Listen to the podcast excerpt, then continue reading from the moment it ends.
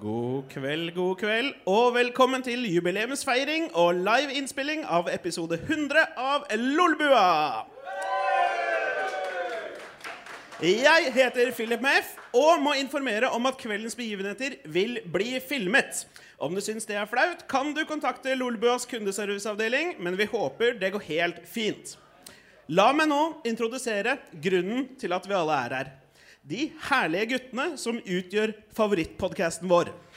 Først, i det nordligste hjørnet, har vi en med fløyelsmyk stemme og de lolleste vitsene.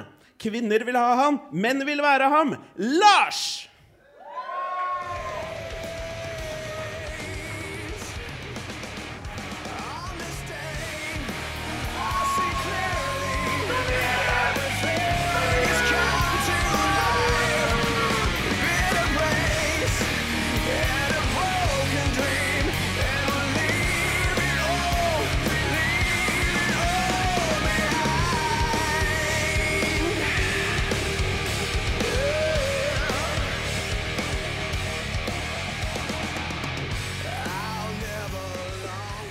Så i.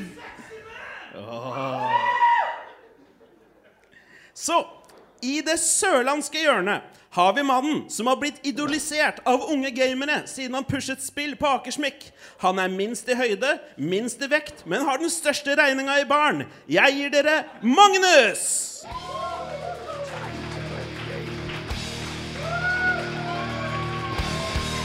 Time to play the game!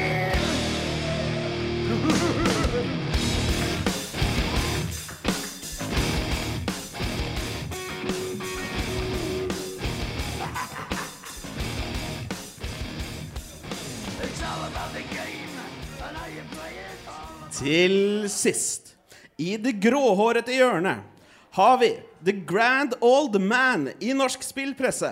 Han har mer erfaring enn både Boss og Big Boss til sammen. Jeg gir dere Jon Cato Lorentzen.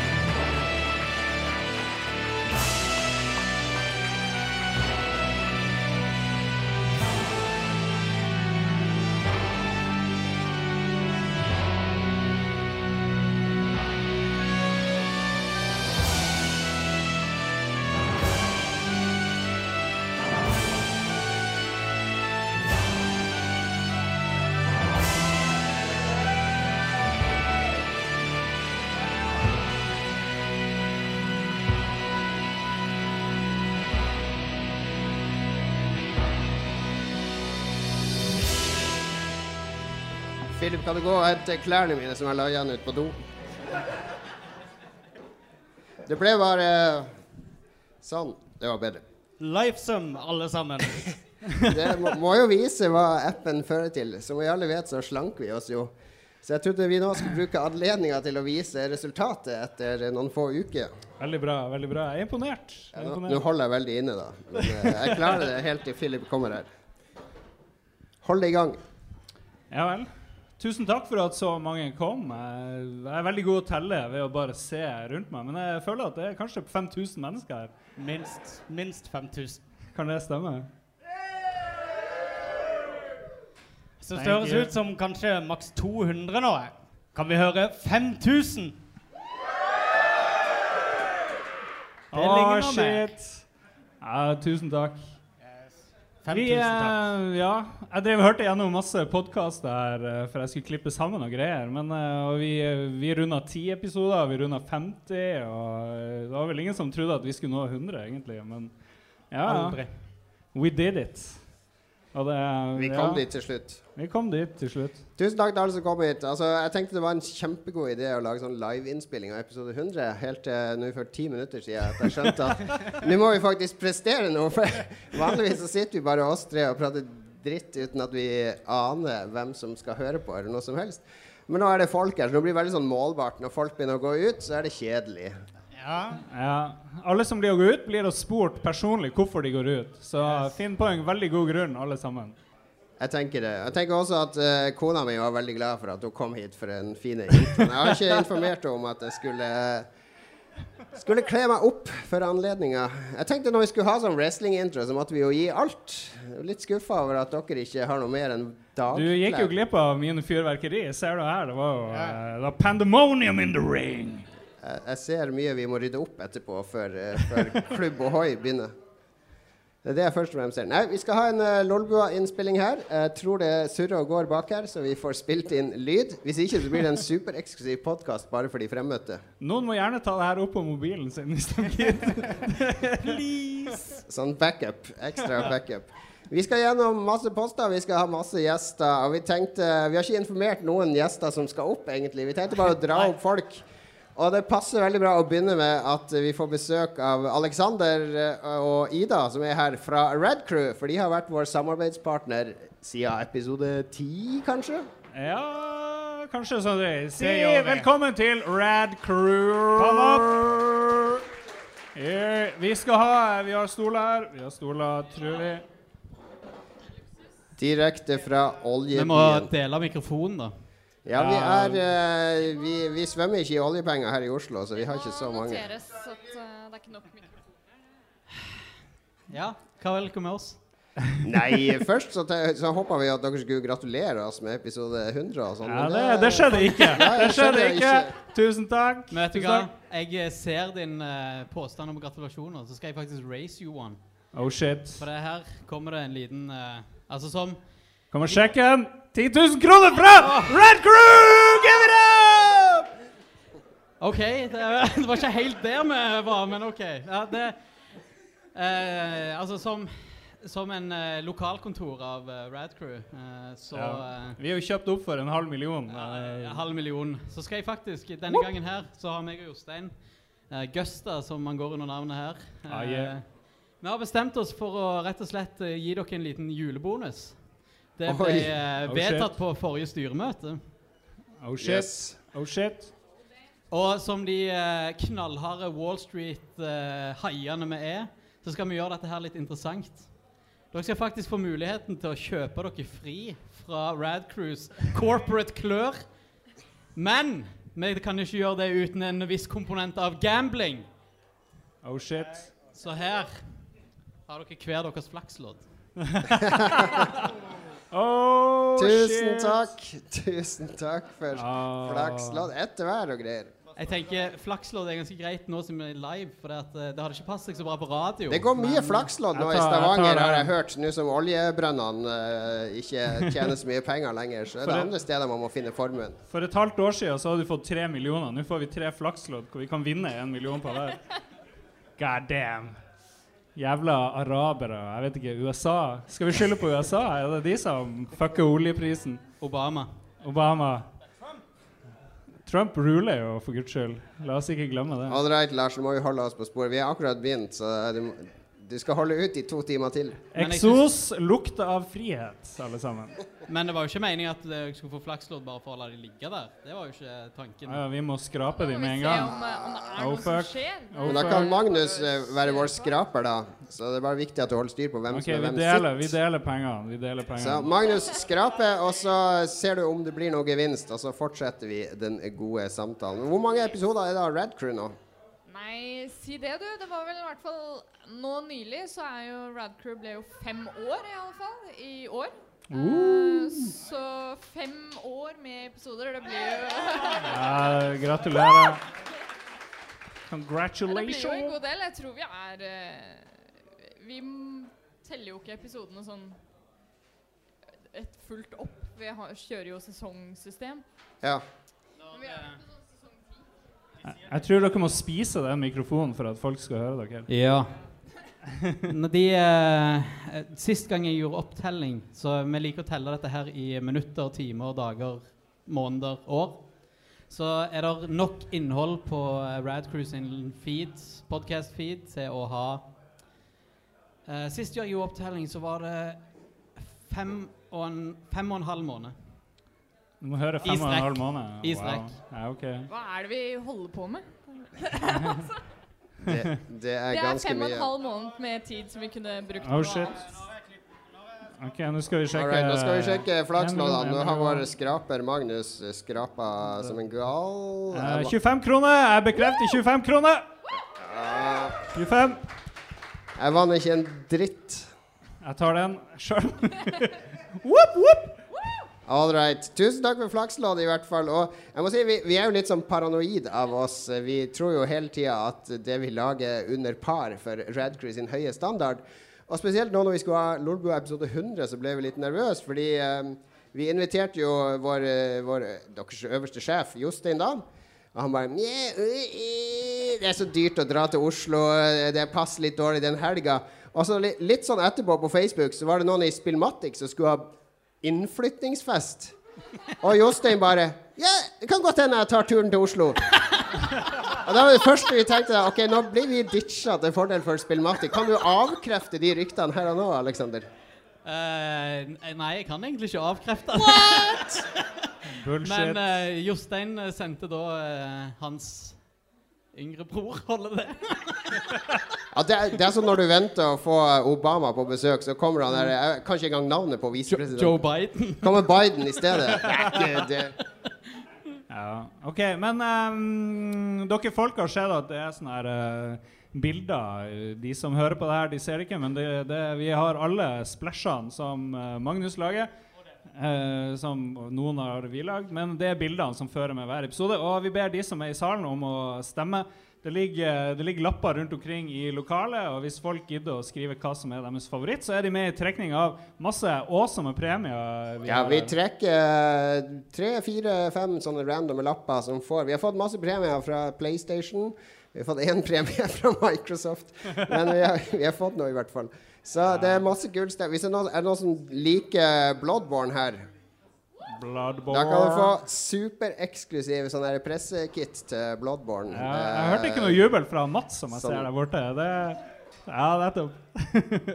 Nei, det er masse, masse kule premier her. Og så har vi ting og tang, men vi kan jo dele de første premiene ut allerede. For vi fikk eh, masse bra eh, fra søstera til hun eh, eh, Norges nye prinsesse, og Tjessem Høiby. Skal Lagde de. Og vi gir dere hver deres awesome sticker. Oh, takk skal du ha. Christian Chessem har laga egne stickers til oss. Christian, Trofast Lolbua-lytter. Awesome stickers som vi har, og vi skal dele ut litt her uh, i dag. Tusen hjertelig takk. De er akkurat for breie til, å ha på, til at de ikke kan ha på iPhonen. Elendig gave. Ja, jeg kritikk med en gang, Christian. Kritikk med Nei, en da, gang. da setter vi den hjemme på, på gaming-PC-en. Da er det, Der hører den vel kanskje litt mer hjemme, vil jeg tro. Ja, men da er det sikkert feil farge. Og Sett den på skjermen. Det ville jeg gjort. Se der! Jost, Oi, oi, Alexander Jostein. har på sin allerede. Jostein har den i panna. Ja, Alexander heter han. Jeg mener Oh, fuck. Jeg er så full allerede. Du er det. Vi skal kjøre videre i sendinga. Da pleier vi å snakke om hva vi har gjort i det siste. Så vi vil gjerne at våre gjester òg deler litt om eh, hva de har gjort i det siste. Holy shit. Sånn Skal vi, ut av det blå. får vi lov til å være med mer, altså? Ja, ja, ja. være med Å, i den spalten før vi bytter dere ut. Da begynner vi på høyrefløyen her, tenker jeg. Uh, ja. Uh, jeg har hatt en ganske busy periode på jobb nå, men eh, går nå inn i en litt mindre busy periode. Men du har nettopp fått jobb, har du ikke det? Eh, Eller ikke nettopp, men i fjor. Nei, ja, jeg fikk jobb i fjor. Det er ingen som, vet, så, det er ingen som vet hva slags jobb du har. Hva slags jobb er Ja, det du har? det Nei, altså, jeg har jo faktisk uh, egentlig ikke lov til å si hva jeg jobber med. What? What? CIA! Du jobber med Apple. Eh, jeg jobber med teknisk kundestøtte, det gjør jeg, men jeg har signert en eh, NDA på at jeg ikke kan si hvem jeg jobber med. Holy shit! Da må vi jo finne ut hva det er før kvelden er omme. Det er premie! Spesiell premie til de som kan fortelle oss uh, Altså, hvor Ida jobber. Det, det jeg kan si, da, fordi det står i stillingsannonsen, så jeg vil tro at uh, selv om jeg har signert en NDA, så vil jeg tro at jeg har lov til å si hva som står i stillingsannonsen. Og det er du får jobbe med teknisk kundestøtte for en av de største i verden på personlig teknologi, datamaskiner og eh, MP3-spillere. Og MP3-spillere. Ja, Det er jo Apple. Altså, jeg, jeg kan verken bekrefte eller Det er dine ord. Det er dine ord. Men det er det jeg jobber med. Når kommer uh, den nye iPhone? Ja. Altså, jeg jobber med teknisk kundestøtte. Jeg jobber ikke med Ok, Hva er det sykeste du har opplevd eh, i jobben hittil? Uh, oh, nå spør du godt, altså. altså det, jeg får veldig lite av de sånn crazy sakene. Jeg har fått én fyr som, eh, som sto og skjelte meg ut for at jeg jobbet med kundestøtte. Uh, og dro opp argumentet liksom sånn herre Jeg hører at du er en, en vakker kvinne. Hvorfor tillater du deg selv å jobbe i dette miljøet? Hvorfor, hvorfor er du ikke callgirl, liksom? Du er, ja. Ikke sant? Så han skulle sitte og snakke i fem minutter da, om, om liksom hvordan, hvordan det var så forferdelig å jobbe i kundestøtte, og hva det liksom gjorde med verden. da. Så jeg bare OK, greit, men vil du at jeg skal fikse telefonen din, eller er det Og så har jeg vært borti en del altså, Kan du ikke bare sende bilde av deg sjøl? Du er jo en vakker kvinne. jeg, jeg sitter jo på førstelinje, så jeg får jo ikke de villeste kundene. Altså, er det noen som slår seg vrang, så sier jeg bare sånn Du, vet du hva, jeg har noen andre her jeg, som du skal snakke med. Så sender du bare videre, rett og slett. Og, og nå får jeg jo mye mindre av de sakene òg, for nå jobber jeg 50% med kvalitetssikring òg. Så, um, så jeg sitter rett og slett bare og hører på alle sine andre sine samtaler og Oh, sier shit. eh, Du gjør det bra, du gjør det dårlig. Så yes. Nice, nice, nice. Thank. Alexander, da, har du noe å dele fra enten yrket eller privaten? Jo da, uh, men, men mens jeg uh, snakker, er det noen som gidder å hente en øl til meg? For uh, Oh shit. jeg, begynner å gå, jeg begynner å gå tomt. Ja, det ser ut som vi har Da skal vi se The Power of Rad Crew. Er og fire, fem stykk som løper mot barn! Her er det mange Rad Crew-fans. Jeg, eh, jeg signerer brystet ditt etterpå. eh, no worries. Men uh, det Ja, OK. Dette her uh, Jeg skal ta historien om det såkalte Det som, ja, det som går i Rad Crew sine kretser nå Ja, som shit. Det snakka vi om før sending. øyeblikket. Det blir, det blir bare omtalt som øyeblikket fra nå av. Uh, det begynte rett og slett med en uh, Rad Crew Nights-innspilling. Det litt uh, mer skitne programmet vårt, uh, Rad Crew Nights. Hvor jeg hadde vært på en jobbmiddag og var litt en smule påseila før vi begynte innspilling. Men vår, min bror Jostein han er såpass hard på dette her med innspillingene at jeg måtte møte opp og spille inn denne episoden. Eh, Så jeg var som sagt litt uh, påseila, og vi begynte innspillinga, og etter hvert da så måtte jeg jo faktisk på do. Eh, det er jo ikke noe du pleier å gjøre på radio, så jeg satte mikrofonen min på mute og eh, tenkte at det skulle være helt OK. Så jeg tok, jord mitt eh, fornødne og skulle eh, flushe toalettet. Så tok jeg rett og slett av eh, mute litt for tidlig. og broadcasta dette da ut på det store internettet. Det beste er jo Altså, reaksjonen mot slutten der er eh, For vi hører at det flusher, og så kommer eh, Jostein, tror jeg det er, som kommenterer det først. Han bare sånn Var det noen som flusha nå? Hva, hva, var det for noe? Og så er det vel Jack som eh, utpeker Alex da, og sier eh, Alex, er du, hva, er du på do, eller hva skjer? Og så hører du bare tidenes respons, som bare er sånn Nei. Jeg, eh, I ren panikk over hva jeg hadde gjort, og hva de andre hadde hørt, så presterte jeg faktisk å lyge om episoden. Jeg var «Eh, uh, Nei, selvfølgelig ikke. Men uh, de, de ferska meg i løgnen ganske tidlig, og vi måtte egentlig bare ja, innse det som hadde skjedd. Og den, det øyeblikket kan nyte sin all sin glory i ekte sånn gaming-stil behind paywall. For uh, Rad Crew Nights er jo da vår eksklusive podkast som kun er tilgjengelig for våre premiummedlemmer. Så hvis dere vil, så kan dere også betale for det øyeblikket. Her plugges det for en uh... er det dritt? Veldig bra. Er det dritt? Kommer og leverer øl her. Nå må, nå må jeg kutte to av mikrofonene her, for nå har Lars har med seg sånn eh, nordnorsk eh, popfilter. Eh, så det ikke skal poppe så mye i eh, mikrofonene. Eh, sjekk nå. Sjekk, sjekk, sjekk. Boom, boom. Ja, det hjelper litt. popper litt. Det, hjel det her hjelper veldig. Ja, det er liksom Det er Stavanger-dialekten som gjør det der, tror jeg. Det er strikk og binders. Nei, men det Bullet me, bullet me. Ah, Ja, Nei, det er mye det- bedre. Det er, det er sånn vi tester, det er sånn vi tester mikrofoner i Stavanger. eh. Men det er, det er sånn fiendeskap, for det skal jo Magnus snakke neste. Han er jo fra Kristiansand. Det er litt sånn at folk fra Kristiansand hater når, når Sånn som østlendinger som sier 'Å, er du fra Stavanger?' hvis du er fra Kristiansand. Ja. Det er, så lenge jeg har bodd i Oslo, så har jeg blitt uh, tatt feil av som uh, Stavanger-dude. jeg, jeg setter ikke pris på den sammenligninga, vil jeg bare si med en gang. Men uh, folk tror inniblant at jeg kommer fra Danmark. Det syns jeg er litt eh, drøyere. Eh, Er du ikke men- fra Danmark? Jeg er ikke fra Danmark, men jeg, jeg har slekt der. jeg er slekt der. Men det verste var en gang eh, da jeg jobba på Akersmik, der det var en ny dude som hadde begynt i hifi-avdelinga, og jeg spurte Øy, er du kristiansander? Så var han fra Stavanger. Så eh, det har jeg måttet leve med i 15 år, da. Ja, var- hva, hva skjedde i det siste? Har du noe Det som de som er faste lyttere på Lolbua, vet, det er jo at det skjer absolutt ingenting i Magnus sitt liv, bortsett fra at han går på skole. Han lager mat og he- henger sånn her deig oppi taket og sånne rare ting. Ja, jeg gjør sånne kjedelige ting når jeg har fritid. Men uh, nå denne helga her, nei, denne uka her, så har vi gjort uh, uh, ja, ganske sedvanlig det òg. Vi hadde jo, eller jeg hadde egenhendig en uh, spillquiz. Uh, nei da. Meg og Cato arrangerte spillquiz som vanlig her på Tilt for bare eh, tre dager siden. Med ny oppmøterekord lagantallsmessig. Vi må vel kunne si det.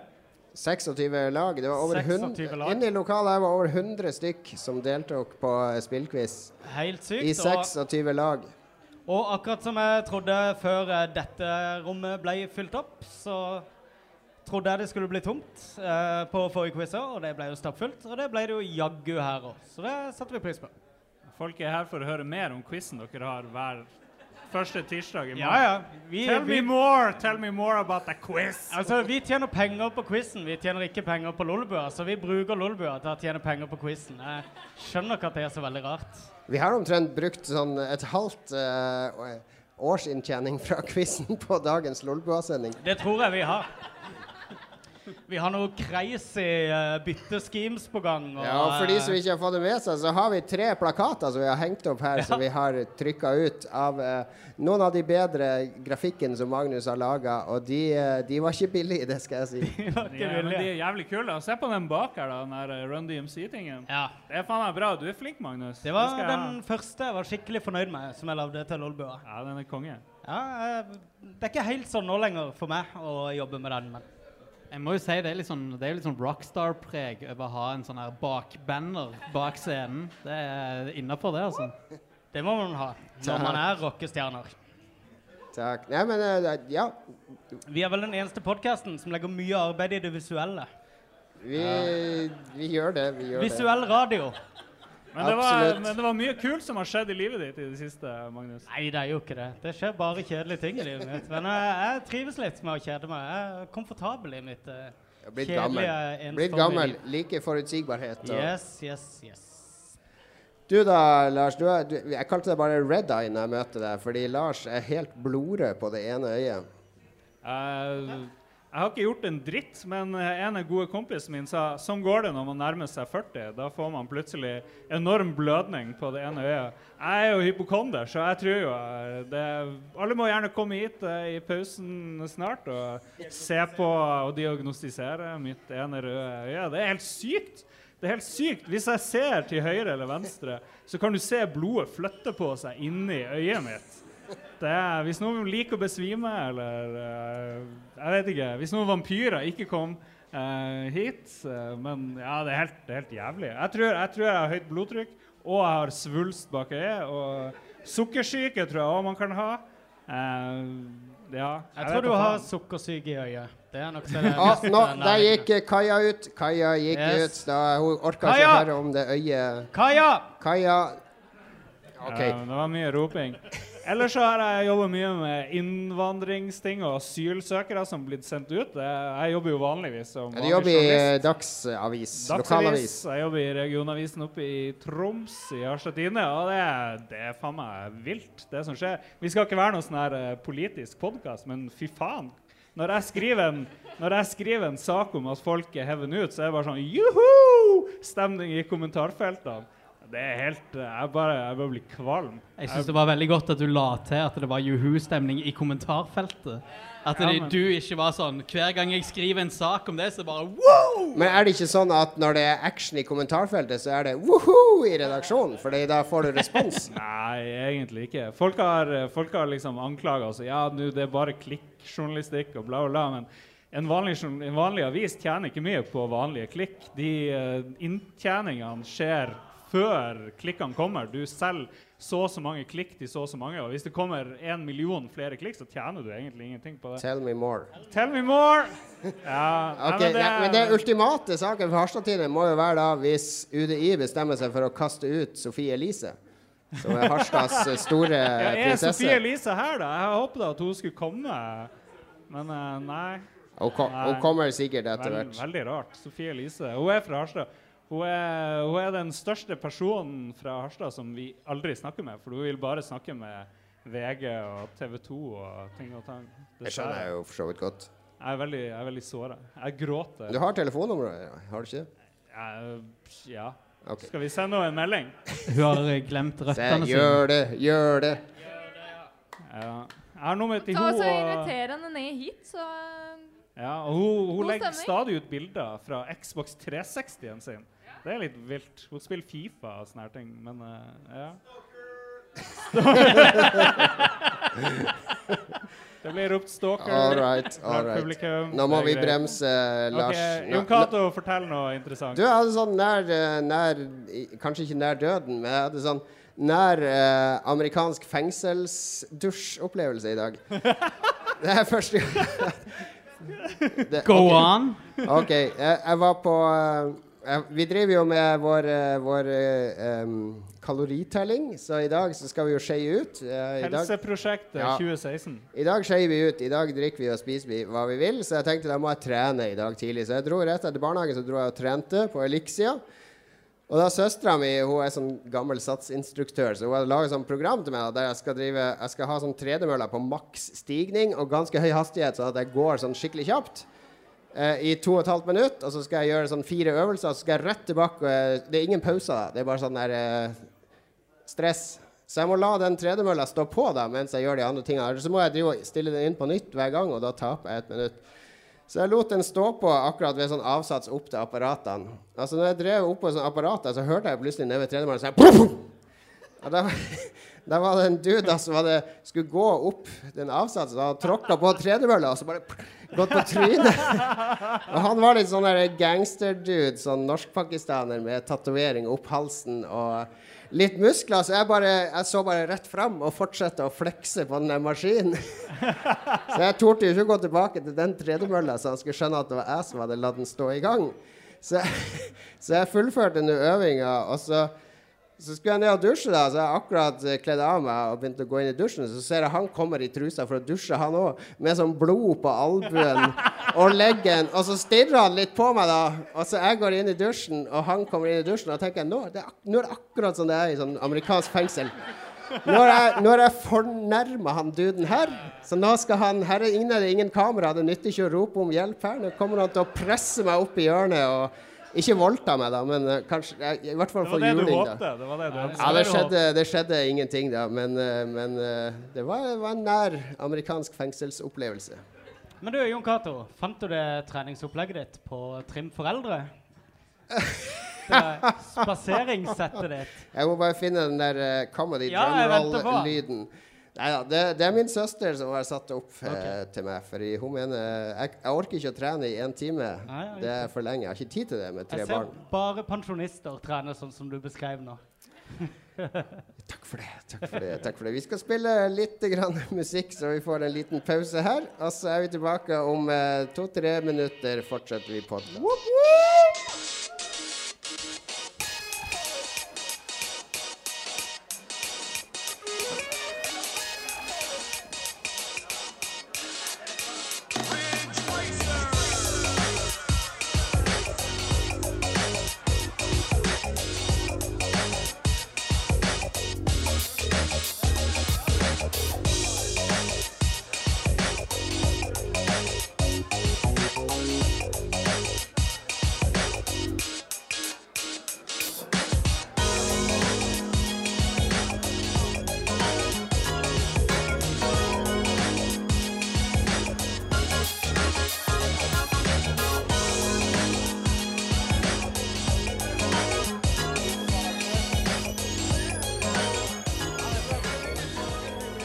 En Outrun-remix der, altså. Det er litt sånn stress å lage livesending. før det er som om vi er på live radio. Her kommer Lars løpende. Du sa jo du skulle ta med Ratsiputs, eh, Lars. Det er din spalte neste. Det er Mimre-spalten. Vi skal ha inn en ny gjest først, for vi har hatt uh, mange, mange gjester i løpet av Lolbua. Uh, kan vi få en håndsopprekning? Hvem her har vært gjest før? Ja, det er Ja, det er ikke dårlig. Det er noe En andel. Torsteinar, du har vært gjest. Du var gjest i baksetet på bilen og vi kjørte til uh, Klekken. Ja, ja, ja. ja, ja. Uh, det var da vi snakka om det naziklesmerket ditt som du helst ikke vil rippe opp i. Der Ja. kommer Lars. Har vært og kjøpt eh, et eller annet svart i et lite glass, så han trengte litt mer, tydeligvis. Ond, ond, ond tysk sprit. Jeg fant ut at uh, Ratziputs ble litt for drøyt i starten, ah, ja. så vi, vi varmer opp med en Fernet. Men du, du har fått en presang her. Fra Varme, en, eh, varme opp med en Fernet. Er famous last words. Lars, du har fått en uh, presang Okay, fra en uh, ivrig lytter som har uh, bydd på et uh, glass med Lafroig. Oh, Eh, shit! jeg vet ikke om du husker, og for det er relevant for, det, for din del. Og han Eh. spør Det er første spørsmål fra salen. Hva med Hitler, Lars? Hva med Hitler? ja, vi har ikke nevnt Hitler før nå, så uh, Ja, bra jobba. ja, Får vi en felles Sieg Heil? Nei, vi gjorde, vi gjorde ikke det. Hadde vi gjort det, så hadde denne kvelden vært over. Ja, det var Så- kanskje, det var kanskje litt tidlig. Der besto nettopp testen. Oh. Skal vi, skal vi ta en shot før vi kjører i gang her? gutta? Skal vi ta en shot før vi kjører i gang? shot. Skål. Eh, Skål! Skål, alle sammen! Oh. oh Gud, det er så stygt. OK, vi tar inn en av våre gamle gjester her for å snakke litt om eh, Om når han var med, og litt om eh, tegneserier, tenkte vi. Ta godt imot Heger! Thomas Heger. Hallo? Hei! Jeg, jeg ville ha Thomas Seger opp her, fordi i forrige episode så snakka vi om superhelter. Og eh, vi drev og krangla om Batman var en superhelt. Eh, liksom hva Og Sherlock Holmes. er Ja, Ma- en Magnus, superhelt? altså Lars mener Nei, en av dere mente at Sherlock Holmes kunne defineres som en superhelt. Ja. Og jeg mente at det mangla litt sånn origin story og Ja. litt sånn eh, secret identity og Det var meg som, uh, som pitcha den ideen. Men eh, grunnen til at jeg gjorde det, var at Sherlock Holmes har dukka opp som superhelt i en del tegneserier allerede.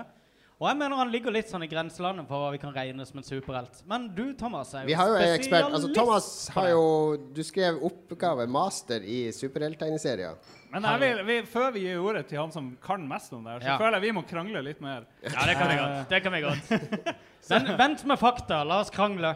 La oss, men er ikke, for meg så er jo en superhelt en som kan gjøre noe som vanlige mennesker ikke kan gjøre. Ja. Egentlig. Og, Ja. og Sherlock Holmes, han, eh, du påsto han var autist, Jon Cato. Eh, Ja, altså Autister kan gjøre ting som vanlige mennesker ikke kan gjøre. De kan lære seg pia komplekse pianostykker bare ved å høre på dem én gang. Det er noe vanlige mennesker ikke kan. ja, men Men Jeg han, ville jo ikke putta på dem en kappe og kalt dem superhelt for det. Han kan, jo, men de kan jo putte på seg kappe og kalle seg superhelt. Men, Ja, men for å regne som superhelt, så bør de jo kunne fungere som et vanlig menneske. Kanskje i hvert fall redde jorda når det ting eh, begynner, Ja. å, begynne å henge. Eller redde Nå må vi la eksperten slippe til. Fasiten slippe til her. Ja, OK. Vi kan la fasiten okay. snakke litt. Men, men, men hvem er Thomas Eger? Vi må jo si, han er, er du fremdeles eh, redaktør, eller hva du er for noe? Nei. Jeg Hva du- er det kalles mellomjobber. Mellom jobber? What?! Men du Fortsett, Thomas. Yes. Det er litt eh, ledningskaos her når Lars har så mye drinker. har du kommentar til det, eller? Sånn. Mellom jobber. Men det er et veldig deilig sted å være av og til mellom jobber. Ja. I hvert fall når du har tvillinger. ja, det er sant. Men det var altså Batman vi skal snakke om. Eh, Det var Batman og, altså, Har du ikke dårlig samvittighet for at du ikke bidrar til samfunnet? Sherlock Holmes. Sherlock Holmes. Det var Sherlock Holmes eh, på en måte sammenligna med Batman da, og Iron Man, siden, eh, siden det egentlig ikke er superkrefter til stede. Men Ja, for det, for det er Iron Man, Tony Stark, han har jo ikke superkrefter. Nei. Nei. Men begge to er jo sosi sosiopater. Rike sosiopater som tror de kan endre verden Og, med, eh, å kle seg ut Så du må være sosiopat for å være Men superhelt? ja, du er jo ikke Det er akkurat det som er forskjellen mellom mellom de eh, som har superkrefter, og Batman og Iron Man, da, som ikke har superkrefter, men som tror de kan eh, de kan endre alt ved bare kle på seg litt tøy og bruke litt penger på duppeditter og sånt. da. Så her plasserer du Sherlock Holmes inn i riktig eh, Og med riktig så mener jeg i superheltkategorien. Han er jo en fungerende sosiopat, som han sjøl sier en haug med ganger. Ja. I bøkene, da? Eller tenkte du på TV-serien? Nei, eller jeg eller snakker om TV-serien, for Ja. jeg har ingen uh, kulturell ballast i livet mitt. Men uh, han, han er jo også sinnssykt til å fighte, og han har en sånn her nemesis som typisk eier hele den kriminelle underverden. Ja, må jo artig. Riktig. Ja. Nei, altså, han faller vel inn under tropen av, um, av superheltene også. Han har et kostyme, han har gjenkjennelig ikoniske klesplagg. Han har uh, skurker. Han har én skurk, da. Batman har ganske mange flere. Eller Han har visse- en- han har én sånn hovedvillain. Han er ikke noen som går igjen på en måte som hans skurk. Ellers løser jo han på en måte Jo, han har jo et sånn lite knippe med sånn gjengangere, har han ikke det? Mo- eh, Sherlock Holmes. Ja. Um. Ja ja. Det Ja. trenger vi ikke gå i detaljer på. Nei, vi gjør ikke det. Vi Men prøver å underholde skal- her, ikke krangle om All right, jeg gir meg. Sherlock Holmes kan være en superhelt. Men hvis vi skal utvide superheltpraten Jon fordi Cato, kan vi bare understreke det med at du sier Magnus, du hadde rett. Ja, Magnus, du har rett. Du har ofte rett. Du har ofte rett. Det er Kan du klippe, ikke klippe det ut, Lars? Og kanskje gjenta det noen ganger med Hall Skriv det ekko 100 på. ganger på en tavle, Lars. Men har, Vi- dere, eh, sorry, ja. har dere spilt det der brettspillet med Sherlock Holmes? Mm, ja, det der eh, story-based greia. Ja, ja, ja. Det er veldig kult. Det er veldig kult. Eh, Vi spilte jeg og kona om dagen. Bare to Ja. stykker på lag, liksom. Mot Sherlock Holmes. Ja. Og uh, er liksom at man har, et, man har et hefte med masse sånn tekst, og så skal man da man får en, På begynnelsen av spillet får man en sånn eh, Her mordmysteriet, dette har skjedd. Ja, Man får en historie i begynnelsen med at det har skjedd et mord. Altså er lang tekst man leser opp til alle spillerne, eller spillerne seg imellom hva som har skjedd. Så det er masse spor i den teksten. Så kan man si ok, vi, oss, vi kan dra til coroneren og høre hva han sier om liket. Eller vi kan dra til den adressen på den fyrstikkeska. Du, kan, altså, du har et kart over London. Du har basically sånne eh, 200 adresser du kan dra til hvis kart du over, vil. Kart over London og en telefonkatalog og litt forskjellig Ja. så går og prater. Så skal man liksom da bruke minst mulig uh, ledetråder for å finne frem til morderen. da. Mm. Men det vi, uh, på slutten av spillet så har vi brukt 22 ledetråder. Sherlock Holmes, da, som liksom er det fasiten, har brukt fire. Uh, og hadde svar på veldig mye mer enn vi hadde svar på på våre 22. Men det, vi, vi følte at dette skjer jo ofte med Sherlock Holmes, og han juksa jo. Han er som Ingrid Espelid Hovland. at Han hadde det juksa på Vodhånd. Han vet allerede løsninga før han går og sjekker ledetrådene. Og det gjør han litt sånn småkjedelig. Han er jo ikke så veldig god detektiv. da. Han er litt sånn litt kunstig, kanskje. For, ja, men han, han eh, foretar jo en sånn her øyeblikkelig analyse av Ja. situasjonen og I sitt minnepalass eller noe. Ja, ja. Riktig. Minnepalasset. Alle- Han alle- alle for, kjøpt smart, rett og slett. Ja. Jeg har òg et sånn minnepalass på BI. Når jeg sitter i eksamenstida, så sitter jeg ofte i minnepalasset mitt. Hvordan ser minnepalasset ditt ut? Kan du beskrive det? Det er veldig mye Det ser ut som det nettopp har vært nachspiel der. Og det er mye sånn spy uh, på gulvet og rundt doen. Og Men lager du For jeg, jeg har også drevet med sånn minnepalass. Minnepalass er en sånn teknikk for å huske liste over ting. Og der skal du plassere helst skitne versjoner av ting, absurde og, og perverse versjoner av ting, inn i rom du kjenner til. Og så skal du gå gjennom alle de rommene, da, så husker du alt. Fordi hvis du ser mor di bli tatt bakfra av en okse i stua, så husker du det, liksom. Det er det som er eh, clouet. Jeg er så glad for at Hva er det skitneste du har huska i minnepalasset ditt? jeg er så glad for at jeg tulla om dette minnepalasset, Jon Cato. For det, dette visste ikke jeg om det. Dette var helt nytt for meg. La oss kalle, la oss kalle seg Jon Catos lek. Jon Catos lille Eller Stephen Kims lek, da. Ja, nettopp. Nå går vi videre i Jon sendinga. Men hvis vi lille skal. Hvis vi skal utvide superheltbegrepet fordi super, Når du skrev om superhelter, så var jo det sånn skikkelig nerdegreier. Altså Du måtte lese tegneserier. Og så kom det en og annen Spiderman-film. Altså Nå i dag så kommer det jo sånn tre, fire, fem superheltfilmer i året. Det har jo blitt mega mainstream. Er du da sånn Sånn bitter musikkhip Du er sånn superhelthipster som mener ah, superhelter var mye bedre før? Eller syns du det er fett at det skjer så mye rundt superhelter nå? Jeg tror du har litt korttidshukommelse, for du husker de største Blant de største filmene på 90-tallet så var det jo 80-tallet var jo Batman og Supermann, og disse filmene var jo en av de større Så det er jo ikke spesielt så nytt. Men jeg, jeg tror at det blir mer Jeg vil heller si at tida var bedre da. Bedre før da. For da hadde du på en måte eh, Altså- noen, ve noen veldig store ikoniske helter. Nå er det veldig, veldig fort utvanna. Eh, og du har veldig mange superheltfilmer som slår feil, eh, som gjør at folk blir markant lei. Og jeg synes at du, du kan merke det nå i Disney, hvor de er det, Var det tilfeldig at de kjøpte Lucas Arts Ja. og fokuserer nå på Star Wars nå i en tiårsperiode etter de har fokusert veldig mye på Marvel forut for den perioden. Det kan være en reaksjon på det. Du, det var sånn vi kom inn på eh, Sherlock Holmes som superhelt. Vi snakka om Star Wars. Ja, jeg tror Husker du det. det? Ja. Der jeg spurte om eh, Jedi Warriors kan regnes som superhelter. Ja, jeg tror det var det. Men da har jeg et spørsmål til Heger. Tror du at Disney, som nå eier både Marvel og Star Wars, kan da fusjonere Guardians of the Galaxy med Star Wars? Det er to universer som er ganske like, er det ikke? Nei, det går jo ikke an. Det er jo, det er jo, det er jo masse absurde, teite Ja, men og det er jo, det er jo Ja, bu. Guardians of Galaxy er knytta opp mot resten av Marvel-universet på 100 Ja, andre måter. ja, Da må du ja. liksom hente Star Wars inn i hele Marvel-universet, da. Ja, Ja, Så da har du plutselig Iron Man som flyr rundt der med Luke ja, det, er jo, Skywalker. ja for, for så, det er jo en galakse langt borte, så det passer jo ikke. Mye lengre vekke. Ja, langt, langt borte er den faktisk. Langt, langt. borte. Tusen takk til Thomas Heger for oppklaring rundt uh, superhelter. Altså, vi sier bare vi har ikke noe manus her i kveld, så vi kan dra opp hvem som helst. Så de som har sittet seg nærmest scenen, kan, det er akkurat som på sånn standup. Det kan være som tabbe. Pass på. Pass på. Vi skal mimre litt om, uh, om Lolbua i gamle dager. Jeg har det Eh, klart her. du har det klart. Eh, Lars har klippa sammen litt lyd fra gamle episoder som du har kobla til allerede. Bra. Yerp. Eh, oh my god. Oh shit. Flere drinker fra Nå, er det, nå kom den ekte julebonusen fra, fra Red Crew. Julebordet, tenker jeg vi Tre, sier. tre nye shots. Skal vi se. Ja, OK. Det, vi skal, vi er, det er bare to timer igjen, så vi Bare klarer det. to timer igjen, ja. To ja, da. timer igjen. Lars har klippa sammen noe lyd fra gammelt av. Uh, det står 'vops' på skjermen hans. Det er sjelden et godt tegn. Nå lar vi. Alex eh, har jeg henge i lufta her, eh, Jon Cato. Okay, det kan vi ikke gjøre.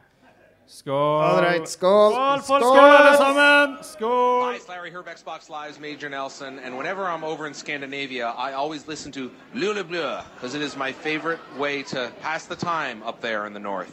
Det var Major yeah. Nelson. Lule Bleu, yeah. Og der var Det her er en spesialepisode. Eller, Slutt å slå meg, Lars. Hey guys, uh, this is Chipsel, and you're listening to Lolboa. Velkommen til Lolbua Aslak Helgesen, Kristina Halvorsen og Stine Tordarsson. Moltibakk, Thomas Heger, Mats det. Frank Tore Johansen. Jan Christian Heigel. Velkommen skal du være, Jostein eh, Hakestad. Dere har ei dame i tillegg. Det er jeg litt misunnelig på. Vi har, vi har to. To? Jep, det har vi. Vi er Det er å veldig overdrive litt.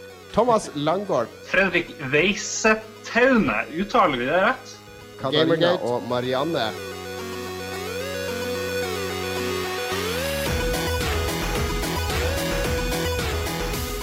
Den glade sørlending har joina oss. Velkommen, Magnus. Du har vært med før som gjest, men nå er du med som eh, Nå er du en av oss. Nå må du stå for produktet. Føler, føler du deg komfortabel med det? Ikke nødvendigvis. Det er veldig lite sammenhengende, fordi vi er, begge vi har drukket ganske mye allerede. Nei, nei, nei. nei, nei. Hvorfor, hvorfor skal du benekte det, Lars? Torbjørn er hora. Vi er på hytte nå. Å ringe inn sånne ting, det har jeg tenkt på at vi skal ha med i Lolbua, men da i sånn samme stil som Husker du de debattprogrammene på TV 2 på 90-tallet? Det var på slutt sånn tut, tut, tut, tut. Stå på, Karl Ivar. Vi er mange med deg. Nei, nå må Arbeiderpartiet skjerpe seg. Det er jo skatter og avgifter overalt. Enn du da, Magnus? Hva har du gjort eh, den siste uka? Har du noe eh, artig å fortelle? Du går jo på BI til daglig, så du Ja. har vel en ganske hektisk hverdag. Um, jeg var i Kristiansand i helga, da. Red, red, red, red, Velkommen til Red Crew Nights. Ja, her skåler vi i glasset, for vi sitter på baren her og drikker. Velkommen, Jack. Takk, Alexander. Det er jo genistrek å være på Statoilbanen her på Ja, og vi har fått så, så mye penger fra, fra alle våre fans, så vi kan bruke så mye vi vil. Episode 50 blir jo en litt sånn eh, spesialsending. Den blir ikke å følge det normale tempoet eller kjøreplanen. Så eh, i stedet så har vi invitert eh, og vært så heldige å få med oss to folk som er pro Gamergate, som meldte seg rimelig kjapt. Da vi ba om det. Der borte. Er den der, ja? Oi. Jesus Christ. Ja, da tar vi det bort. Det er PC. Jeg kunne si PC etterpå. Working for the Jeg er faktisk rakettforsker når jeg sier det. når jeg er. Ja, det blir en dritbra podkast. Det er ingen tvil. Hva er det styrte raketter? Eller missiler, som det også heter. Hva er det? Magic missiles. Xbox Watch TV, da, da viser han det signalet som kommer inn. Jo Cato, du skrudde på Xboxen til Confucius. Gjør du det? Ja, det er så bra. Xbox Bing Child Porn. Derfor er jeg overhodet ikke interessert i Timbleweed Park, fordi det har sånn La oss lage noe som bare skal feede fansen det de tror Shut de vil ha, i up, stedet for å prøve å føre det videre. Jeg kommer til huset. Så jeg er totalt uenig med, med fylliken Lars i, i det Lock your doors, resonnementet. Uh, du kjøpte deg jo Vita nylig, var det? Fordi 2015 blir Vitaens store år. Ja. Eh, Ja. det er La, La Freugen som driver og presser ting inn. Slutt å nevne at jeg er full. 2015 er snart over. Det har gått fort det året her. Hvis vi skal oppsummere det sånn eh, fra Lolbua, altså ikke spillene, men for, Lolbua sin del, hva har skjedd med Lolbua i 2015? Oh my god, skal vi hale det her ut enda mer? Neida, neida.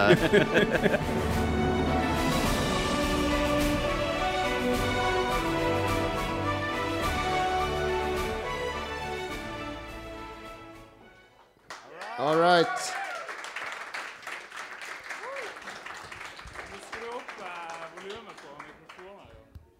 Nei, det, var, det er 100 episoder. da. Det er, Ja. Vi starta høsten uh, 8. oktober først, 8. 1. oktober 2013. Noen vi, hadde vi starta på bursdagen til Ida. Vi, eh, men eh, vi må jo nesten mimre litt når vi først har episode 100. Fordi jeg husker, Det var ditt forslag. Du hadde vært på noen sånne der sosiale medier-kurs med jobben eller et eller annet. Eh, helt sikkert. Helt sikkert. Det høres rett ut. Men eh, ja. Ja, Du var veldig sånn at vi måtte starte podkast. Hvorfor ville du starte podkast? Altså, hvorfor valgte du meg, da? Nei, vi, eh, vi, sn- vi har jo en årlig hyttetur. Når folk fikk høre litt utdrag fra det, det er der vi er mest full. Og ja, jeg anbefaler de episodene best. Jeg føler Lolbø er best i fylla. Men jeg foreslo til Jon, for jeg har begynt, nettopp begynt å høre på podkaster. Og det hadde jo skjedd. Rad Crew hadde jo holdt på lenge, ikke sant? Og, ja, ja. Jeg, vil- jeg syns det er konge å høre på podkast. Jeg går hele dagen rundt med ting inn i øret mitt og hører på en eller annen podkast. Jeg er superavhengig. Ting Så- inn i øret. Ting inn i øret. Ting i øret er Kuk, stikkordet her. Kuk i øret hele dagen. Ja, dine, dine ord. Dine ord. Jon Cato, skulle vi ikke lage en podkast spurte jeg på hytteturen i 2013. Og da sa du ja, det hadde du òg tenkt på. Ja, jo, jeg hadde jo det, da. Men det, det var litt sånn Men jeg følte også at det var fordi vi var mm, eh, vi, Du bodde jo i Oslo på 90-tallet, og der var vi jo sammen hele tida. Og Ja. Vi, vi drømte om å dra på Hyperstate og sånn, men vi satt, vi satt heller hjemme og spilte Puzzle Bobble mens vi hørte på P3 sin livesending fra Hyperstate. Det var, det var holdt, holdt i massevis for oss. Så, så vi, hadde, vi hadde bra forhold på 90-tallet, og så flytta du nordover for å skjære ned på studielånet, basically. Ja, ja. Du får jo omgjort eh, masse sånn rentefritt og ting og tang. Det er veldig bra. Jeg anbefaler alle som er her, til å alle flytte til Finnmark. Eh, Du får Jeg tror det er 20 000 du får avskrevet på studielånet. tror jeg. Det er det er mye- veldig gøy. mye gevinst, mye Finnmark gevinst. er jo, Nord eller jo Norges eh, ville vesten. Det er der indianerne bor. De heter samer. Og, og så videre. Så du får 20 000 for å flytte til det livsfarligste? Og så får du det er billigere strøm, det er mer i barnebidrag. Det, er- det er sykt mye ting. Det er sykt mye ting. Men My, det var mye ikke gevinst. derfor Billig strøm? Ja, ja, ja. Billig strøm. Men, men det som er greia er Lars at Lars har lest hele brosjyren. jeg ble, jeg ble Jeg var født i Bærum og bodde mine første fem år i, i Oslo, tror jeg. Eller Bærum, eller et eller annet sånt. Men det husker jeg egentlig ingenting av, heldigvis. Nei da, det var veldig fint, sikkert. Og så for vi opp og flytta til Vadsø, og så flytta vi til Kirkenes, og så flytta vi til Harstad. Men da var jo jeg begynt i ungdomsskolen, så jeg hadde sånne Ja rosenrøde drømmer om Finnmark. Det var liksom ordentlige vintre. Ja, vi skal ikke var- snakke mer om Finnmark nå. Vi skulle snakke om hvorfor vi starta denne Ja, men det, det var jo derfor jeg, jeg for dit. Jeg prøvde å komme fram til at det var fordi vi hadde et spesielt vennskap på 90-tallet, og vi ville rekindle det ved å snakke sammen hver uke. Jo da, men uh, Finnmark Vi har ikke snakka noe om Finnmark. Nei, ja, Nei, tydeligvis det ikke. Altså, det var oss to i starten, og hvordan syns Ja. du det gikk i de første ti episodene? Uh, vi hadde åtte av ti episoder hadde gjester. Det er noe vi har blitt veldig Vi hadde mye lat gjester, ja. på. Vi, sånn teknisk, for de som er interessert, så brukte vi Google Hangouts i starten, så det var veldig enkelt. Og utrolig ræva lyd. Vi bare tok lyden rett fra opptaket. Ja. Men det var veldig- som når telefonen din snakker i telefonen med telefonen din. Omtrent. Men, eh, men det var jævlig lett å ha gjester da. Og så ble vi litt sånn mer kresen på teknikken med at folk måtte ha eget lydopptak og sånn, så ble det litt verre å ha gjester. Men vi hadde de første ti episodene, og alle ligger på YouTube bortsett fra én, der du, eh, der du spotta noe i bakgrunnen. Ja, det var Familien din har det med å gå naken i bakgrunnen av opptaket ditt når vi er live. Den måtte jeg fjerne før jeg fikk sånn der eh, YouTube-advarsel. Ja, det, det er fremdeles partial nudity på YouTube.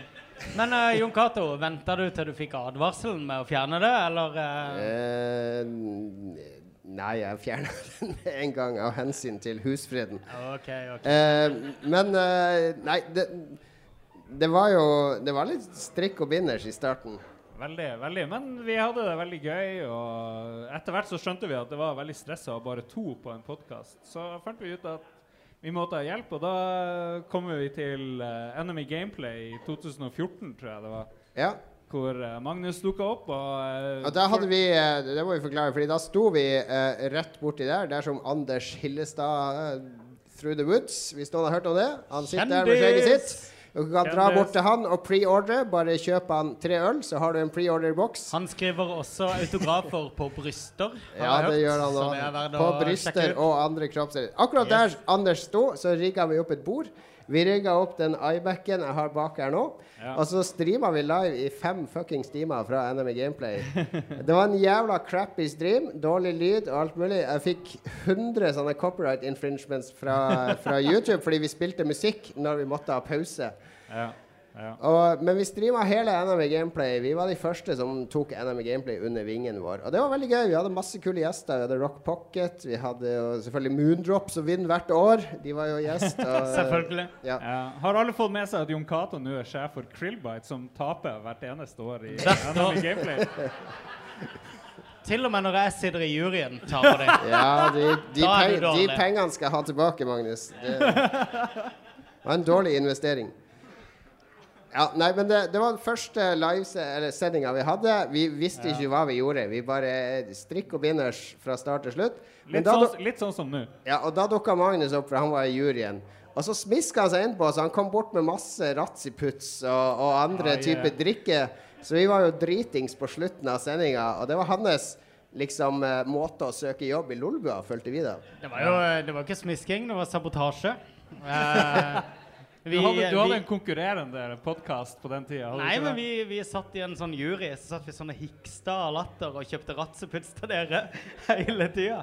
Det er ratseputs, folkens. Ikke drikk det. Det er bare å styre unna. Det er dødens alkohol.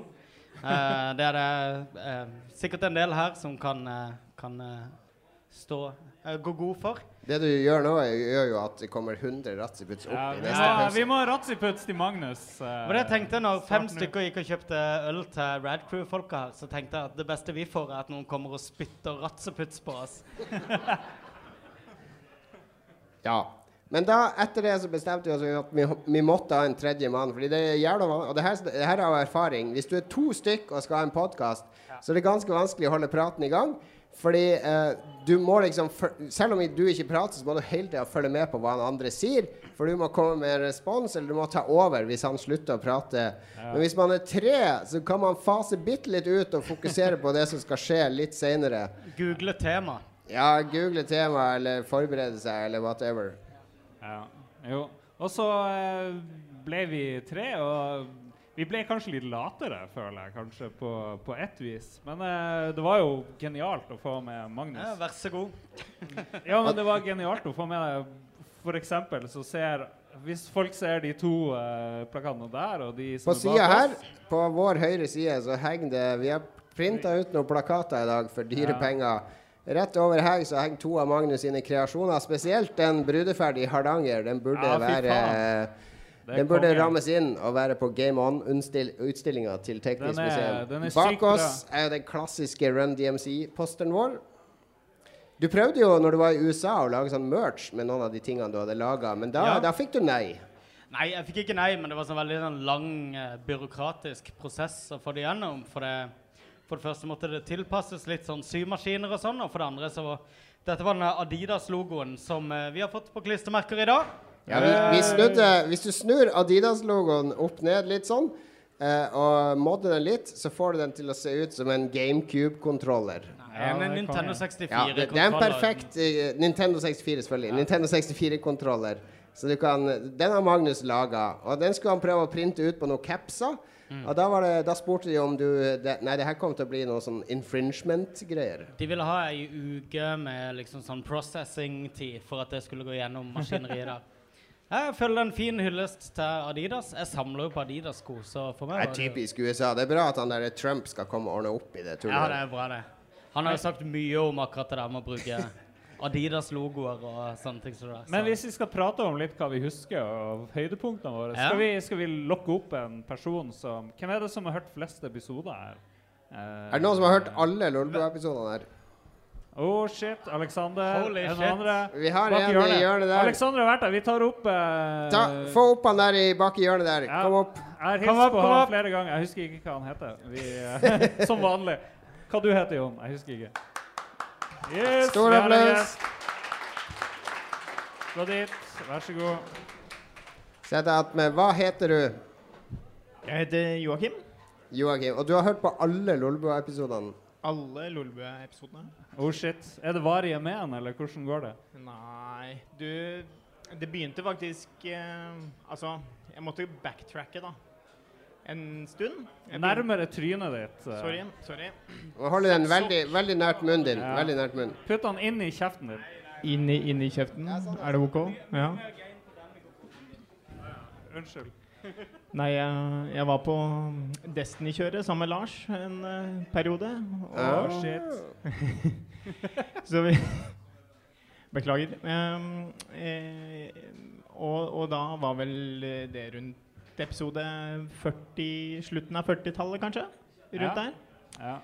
Måtte jeg tilbake i tid og høre resten og alt det eh, latterlige dere har klart å trykke ut av trynet etter hvert Uh, i løpet av Det tenker jeg må være en lidelse å høre gjennom alt det der. Ja.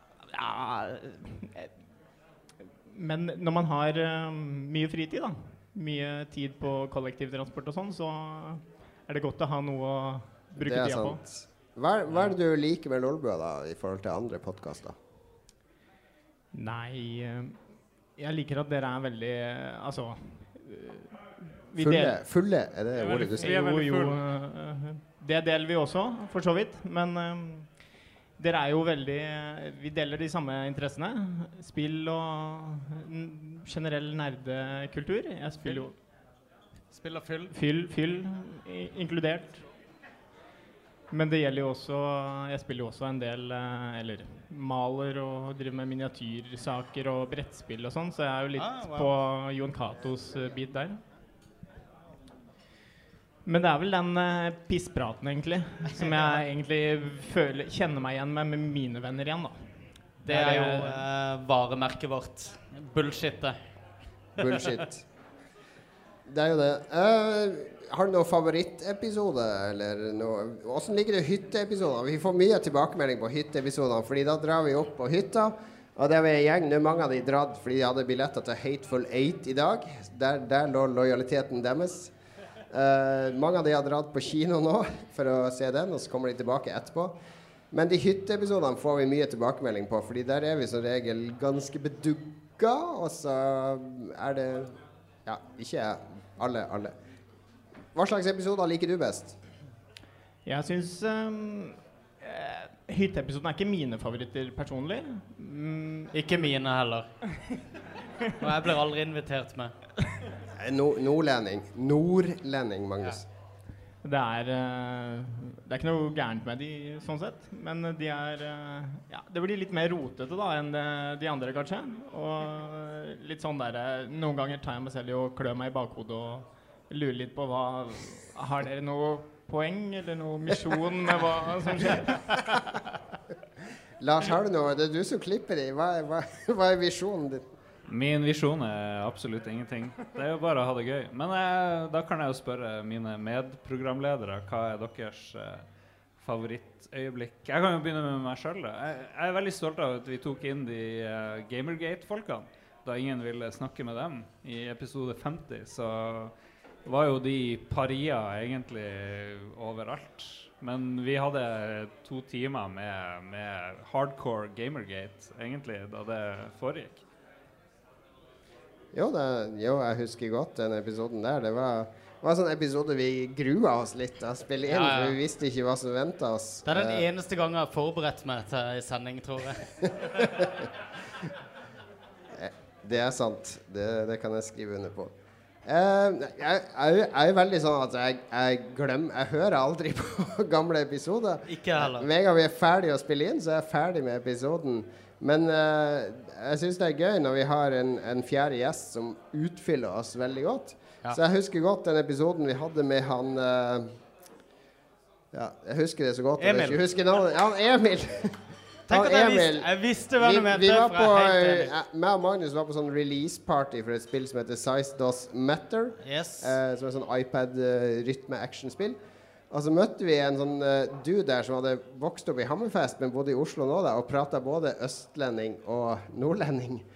Som heter Emil, og han prata rent japansk i tillegg. Som bare var så jævla frempå og kom bort til oss, og, og, og vi bare 'Du skal være gjest'. Ja, ja. Altså Vi dro han inn, og han var gjest. Han var sånn perfekt gjest med, med det han kunne og alt mulig. Så han, han driver og spiller masse League of Legends på YouTube nå, har jeg sett. Så den, den episoden husker jeg godt. Ja, jeg må Jeg syns dere, dere henter frem eh, gode episoder. Eh, Som Ukato så hører jeg vel aldri gjennom sendinga vår eh, etter at vi har spilt inn. Jeg har en sånn greie med at eh, vi setter oss ned og spiller inn, og da har jeg veldig senka skuldre og er veldig rolig. Sitter hjemme og prater med dere på Skype, basically. Og så når vi er ferdig med sendinga, så går det kanskje sånn et kvarter etter at vi liksom har kobla ned alt, før det liksom slår meg at sånn her OK, 2000 så nettopp eh, Eller de kommer til å høre dette. Så får jeg litt sånn her eh, Får et lite sånn Jeg vet ikke. Et lite sånn anfall av Jeg vet ikke om det er angst eller eh, kick eller et eller annet sånt der. Som varer i et par timer frem til neste dag. Så, så våkner jeg opp igjen, og så er jeg klar for neste podkast. jeg syns vi har sinnssykt mange kule podcaster, men eh, de beste øyeblikkene kommer typisk ut av sånn helt tilfeldige sånn bullshit-ting som bare maler seg inn i et eller annet hjørne hvor vi plutselig blir morsomme, og vi, i hvert fall vi syns sjøl vi er morsomme, da. Jeg må jo skyte inn at jeg husker utrolig godt også når meg og Lars hadde sånn uh, musikkonkurranse. Ja. Der vi konkurrerte i hvem som var Ja. flinkest til å lage spillmusikk. Det var rig, rigget fra starten Ja, ja, vi lagde låter i forskjellige musikkprogram, og uh, Lars la til og med på vokal. Så, så vi, vet jo alle at kvelden skal avsluttes med at Magnus synger eh, 'Amazing Ja. Grace'. Så vi, vi regner med at Lars stepper opp hvis Magnus Hvis Magnus stepper ned. Ja, absolutt. Men jeg også husker jeg da vi hadde Hva han heter Delerud? Mathias? Mat Mattis? Mattis. Mattis Delerud. Ja, han snakka og han kutta jo ut Han lagde 'Size Does Matter' med flere andre, og så fikk han eh, angst og eh, depresjon, og nå eh, tillegger han kanskje mer, men han fikk eh, litt sånn issues. Ble utbrent i hvert fall. Utbrent. det ble, ble en, eh, utbrent, ja. det ble en veldig sånn ærlig, oppriktig episode hvor Det var liksom Mark Maron-epoken for, uh, for Lolbua. Da, da Lars hørte litt på Mark Maron og var veldig opptatt av den gode samtale og prøvde å legge opp litt uh, rekkefølgen og kronologien i spørsmålene etter Mark Maron-samtalene. Ja. Og uh, jeg, må, jeg må si at eh, det er Ja, sånn intervjumessig tror jeg det er det beste jobben eh, vi, og da mener jeg du, Lars, har gjort eh, underveis i, i sendinga. Ja. Nei, men takk. For det, det er jo ikke kødd at det er stressende å lage et dataspill. Og det kan kanskje du skrive under på, Jon Cato, nå når du har vært sjef Nei da, det er ikke noe stress. i Det hele- det går på skinner, hele prosessen. Det er bare å bestemme hva man skal lage, og så er det bare å lage det. Det er null stress. Og så trykker du på ja. knappen 'convert to Xbox' og 'convert to PlayStation'. Den er 4. convert to PlayStation og convert to Xbox-knappen, den drømmer jeg om hver natt at den skal eksistere. Der er det mange historier å fortelle. Eh, men Joakim, hvis du skulle eh, sette opp et sendeskjema for din drømmeepisode, hva hadde den handla om? Eh, det er jo et eh, stort spørsmål å springe på en eh, uforberedt stakkars sjel som sitter her og drikker øl og koser seg. Svar nå. med- Ja. Svar med en gang. Du har to sekunder. Ja. Nei, da Jeg ser jo at eh, Carl Martin sitter her i salen i dag. Og Carl Martin og Rune fra Level Up, eller Eh. X-Level Up, er begge her. Level Up Dudes, eh, stor respekt til det. Veldig god jobb eh, for norsk eh, spillliv, egentlig, i det hele tatt, vil jeg Ja. si. Mye bedre enn oss. Ja. De har gjort litt mer for spillformidling i Norge enn oss. Men det sier du bare fordi du var med der, Jon. Ja, ja, ja. Så det jeg tenkte til min drømmeepisode, da, ville vært eh, dypt eh, inne i JRPG-sjangeren. Med min forkjærlighet for den eh, fra langt tilbake, eh, omtrent så lenge jeg kan huske. eh, til den første PlayStation og det første som skjedde der. Og før det også. Men eh, det var da liksom eh, hovedinteressen skjedde, da. Og, og, virkelig liksom gå i dybden på den utviklinga som har vært der. Det, det tapet som har vært der, sier noen, men også de mulighetene man ser eh, i, i de nye formatene der, da. En JRPG-spesial med Carl som gjest. Det hadde vært veldig eh, attraktivt. right, skriv opp, Magnus. Skriv opp. Skriv opp til fremtidig episode. Tusen takk til Joakim som eh, stilte opp her. Takk, vi skal takk. spille litt musikk igjen. Altså, så, eh, men før det så minner vi på det er avstemning. Stem på din favoritt-splash, som vi kaller det. Eller frontbilde på skjermen. Stem på de. Hvor skal de levere det inn? Det har ikke vi annonsert ennå. Folk får komme og levere det inn her. Ja, bare kom og her. gi det til oss her framme, så skal. Lars prøve Da, å Noen tar ansvar, og så tar vi de. leverer det inn til oss. Så trekker vi. Eh, vi de som ikke har penner, kan låne det av ligger, noen det som ligger har papir penner. rundt omkring, så hvis Det noen ligger mangler, så lapper bare gå og overalt. Har du ikke fått lapp, så vær med oss dem. Vi deler ut premier til mange av bidragene. Har du ikke fått penn, så bruk blod til å merke din favoritt.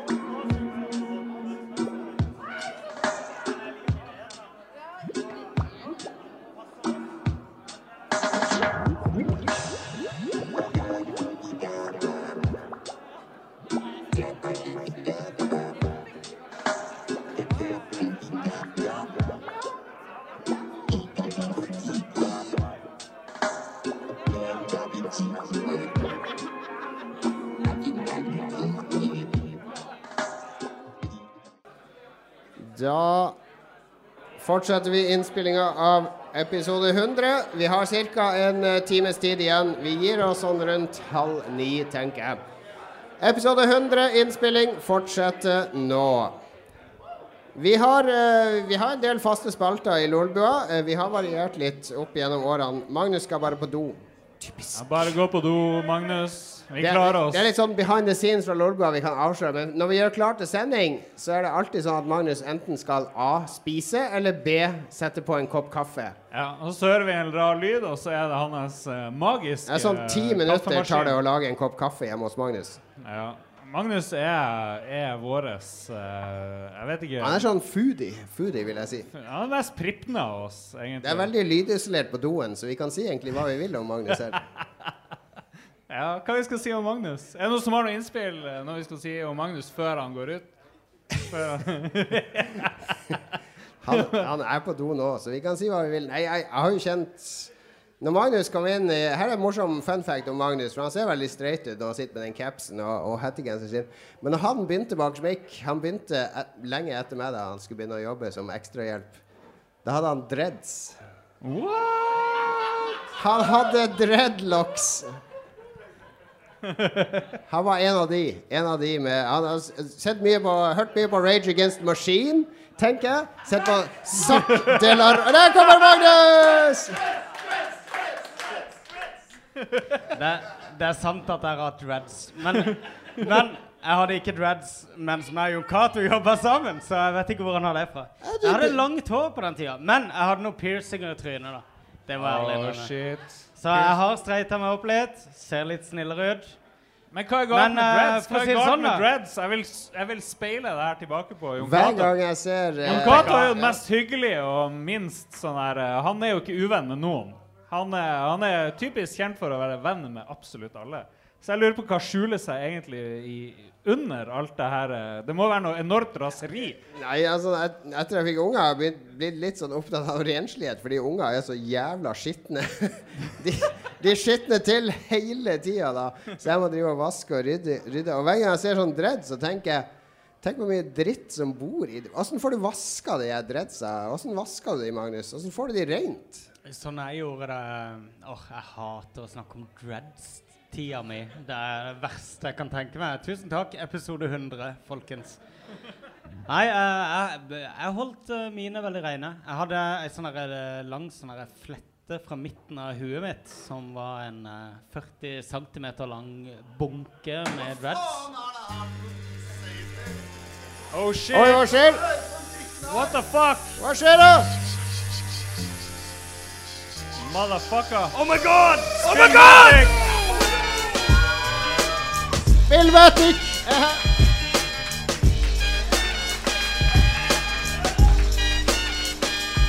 Patetisk. Your time is up, my time is now. You can't see me, my time is now. Det er faen meg Spillmatic som kommer her. Vår nemesis. Vi hater Spillmatic. Hva, hva gjør det. du her? Noen må sette dere litt på plass, da. Hva faen er det her for noe piss, da? Jævla fulle, fulle søring. Hva du gjør her? Kjeft da, innflytter. Nei, det kommer fra fyren som feila på å bo i Bærum, og så trodde det var en del av Oslo. Jævlig bra. Bra jobba. De folka her, liksom, hva er det de gjør? Nei, de, de sier ja, vi skal starte podkast. Når skal vi ha den podkasten, tro? Nei, vi, vi tar det i sendetida til en allerede etablert podkast. Jævlig jovialt, ass. Fy faen. Ja, sending nummer to. Jeg må få en gjest. Ja, da tar vi gjesten til Spillmatic. Det gjør vi. Det, det er hyggelig. Velkommen. Ok, vi, vi, har, vi har en pågående beef med Spillmatic. Det har vi hatt ganske lenge, så Siden episode to. Det var ganske, ganske modig av deg å komme hit, Erling. Det må jeg si. Ja, jeg tenkte jeg liksom skulle løfte hjertet mitt, da. Du fikk gjennomgå på Twitter sist da du sendte disse trusselmeldingene til Lars. Og nå tør du å vise trynet ditt her, og det er vi imponert over, eh, Erling. Ja, øh, Er det de gode resultatene på quizen som har, uh, som har beefa egoet ditt til å, til å dukke opp her? Uh, tja, nei eh, Det er faktisk ikke alle på internett som fikk med seg at Lars laga de meldingene sjøl. Lars tok en Carl I. Hagen Men, og, eh, eh, og la, konstruerte et lite fiendebilde. All right, men, men Spillmatic, hva er det for noe? Altså, Spillmatic er jo det er, fa- De er faktisk i Guinness rekordbok, for de er verdens næreste nærradio. Alle lytterne er i studio når de spiller inn. Nettopp. Jeg har hørt at Jeg har hørt at de har så eh, liten lytterkrets at de kun sender over Bluetooth. Oh! Ja, og Her snakker vi altså med de som prøver å eh, etablere seg et rykte som verdens treigeste podkast. Liksom, hvor sakte er det mulig å bli? Her har du Lars Rolsen, fylliken. Vi er verdens fulleste podcast. Har sendt søknad til Guinness rekordbok om å presentere de mest irrelevante argumentene i hele verden. Vet du Og at ikke eh, én gang. Hver jævla sending. Jeg skulle gjerne tatt en pils med deg og så starta en diskusjon. Bare sånn jeg kunne peie gulvet med deg i argumentasjonen etterpå. Og så har du Magnus, da. Ikke sant? Fyren som alltid melder seg ut hver gang man skal bruke fantasien. Ikke sant? Ja, ja. Det er sånn ja, Vi skal ha en konkurranse, vi må være kreativ. Ja, ja, jeg er ikke med på det. Jeg kan være dommer, jeg.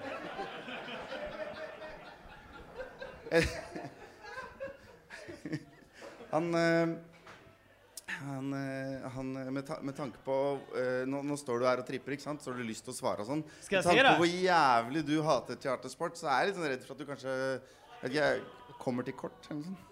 Jeg kan hjelpe deg litt, Erling. Jeg kan hjelpe deg litt. Er det ikke paradoksalt at den eneste lolbua med dreadlocks er han som hater teatersport? What? Altså Jon Cato, da. Brukt 20 år på å finne ut at det ikke lønner seg å være spilljournalist. 20 år! Og så når han samla all den infoen, så presterer han å si på lufta at Hitman Go er et skytespill. Jævlig bra jobba. Og nå skal han liksom ta Krillbite til nye høyder. Woohoo! Det blir liksom Jon Catos minnepalass. Med støtte for Oculus Rift. Det, det blir stas. Jævla hore.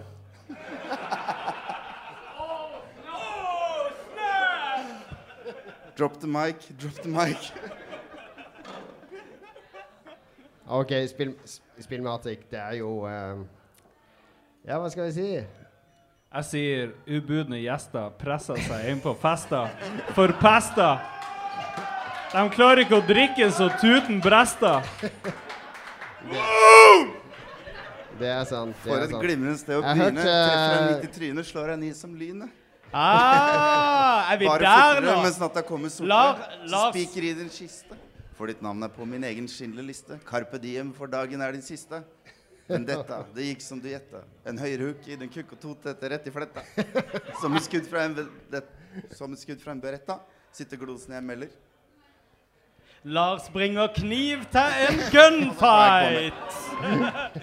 All right, vi har, uh, jeg tror vi har tapt det her. Jeg tror vi må sette oss ned. Jeg tror vi må invitere Erling til å røyke Ja. fredspipe med oss. Skal vi skvære opp med Spillmatic? Spillmatic! Vi er venner. Thank you. Her kommer en dårlig skjult hemmelighet. Uh, vi, det var aldri noe beef med Spillmatic. vi kjente. Erling og Arsenal veldig godt. Visst var det vel? jo, men vi var jo sånn up and coming podkast, og da, vi var sultne på å få lyttere. Uh, det var før, før vi heiv oss på Red Crew-toget, som skaffa oss masse lyttere. Og hva, hva gjør alle unge og sultne rappere? Jo, de lager beef med sånn etablert rapper. Så vi lagde en beef med, spi med Spillmatic for å prøve å få lyttere. Det var vår agenda. Det heter uh, modellen til beefen mellom Nas og JC. Som visstnok bare var piss ennå, for å hype begge artistene. Nei, jeg tror mye beefs er, er piss.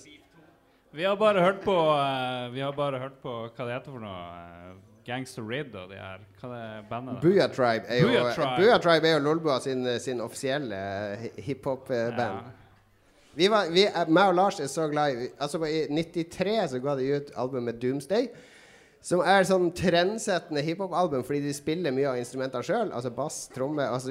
Mange som har aldri hørt om det her. Fordi det er, det er kultalbum Ja, fortsatt. det var det. Ja, det, det det kongealbum. Du mener 15 år etter at Beastie Boys spilte alle instrumenter sjøl? Ja, men da sang de. Det var ikke, vi skal ikke ta den diskusjonen. Men det var vårt band. Og vi var så store fan, meg og Lars, at når vi skulle ha den store Lolbua-turen til Los Angeles For to år siden så drev Ja. vi og planla om vi kunne spore opp Gangsta Rid og, og Whiteface eh, Nei, Ghostface Killa. Og The de Cobra. andre.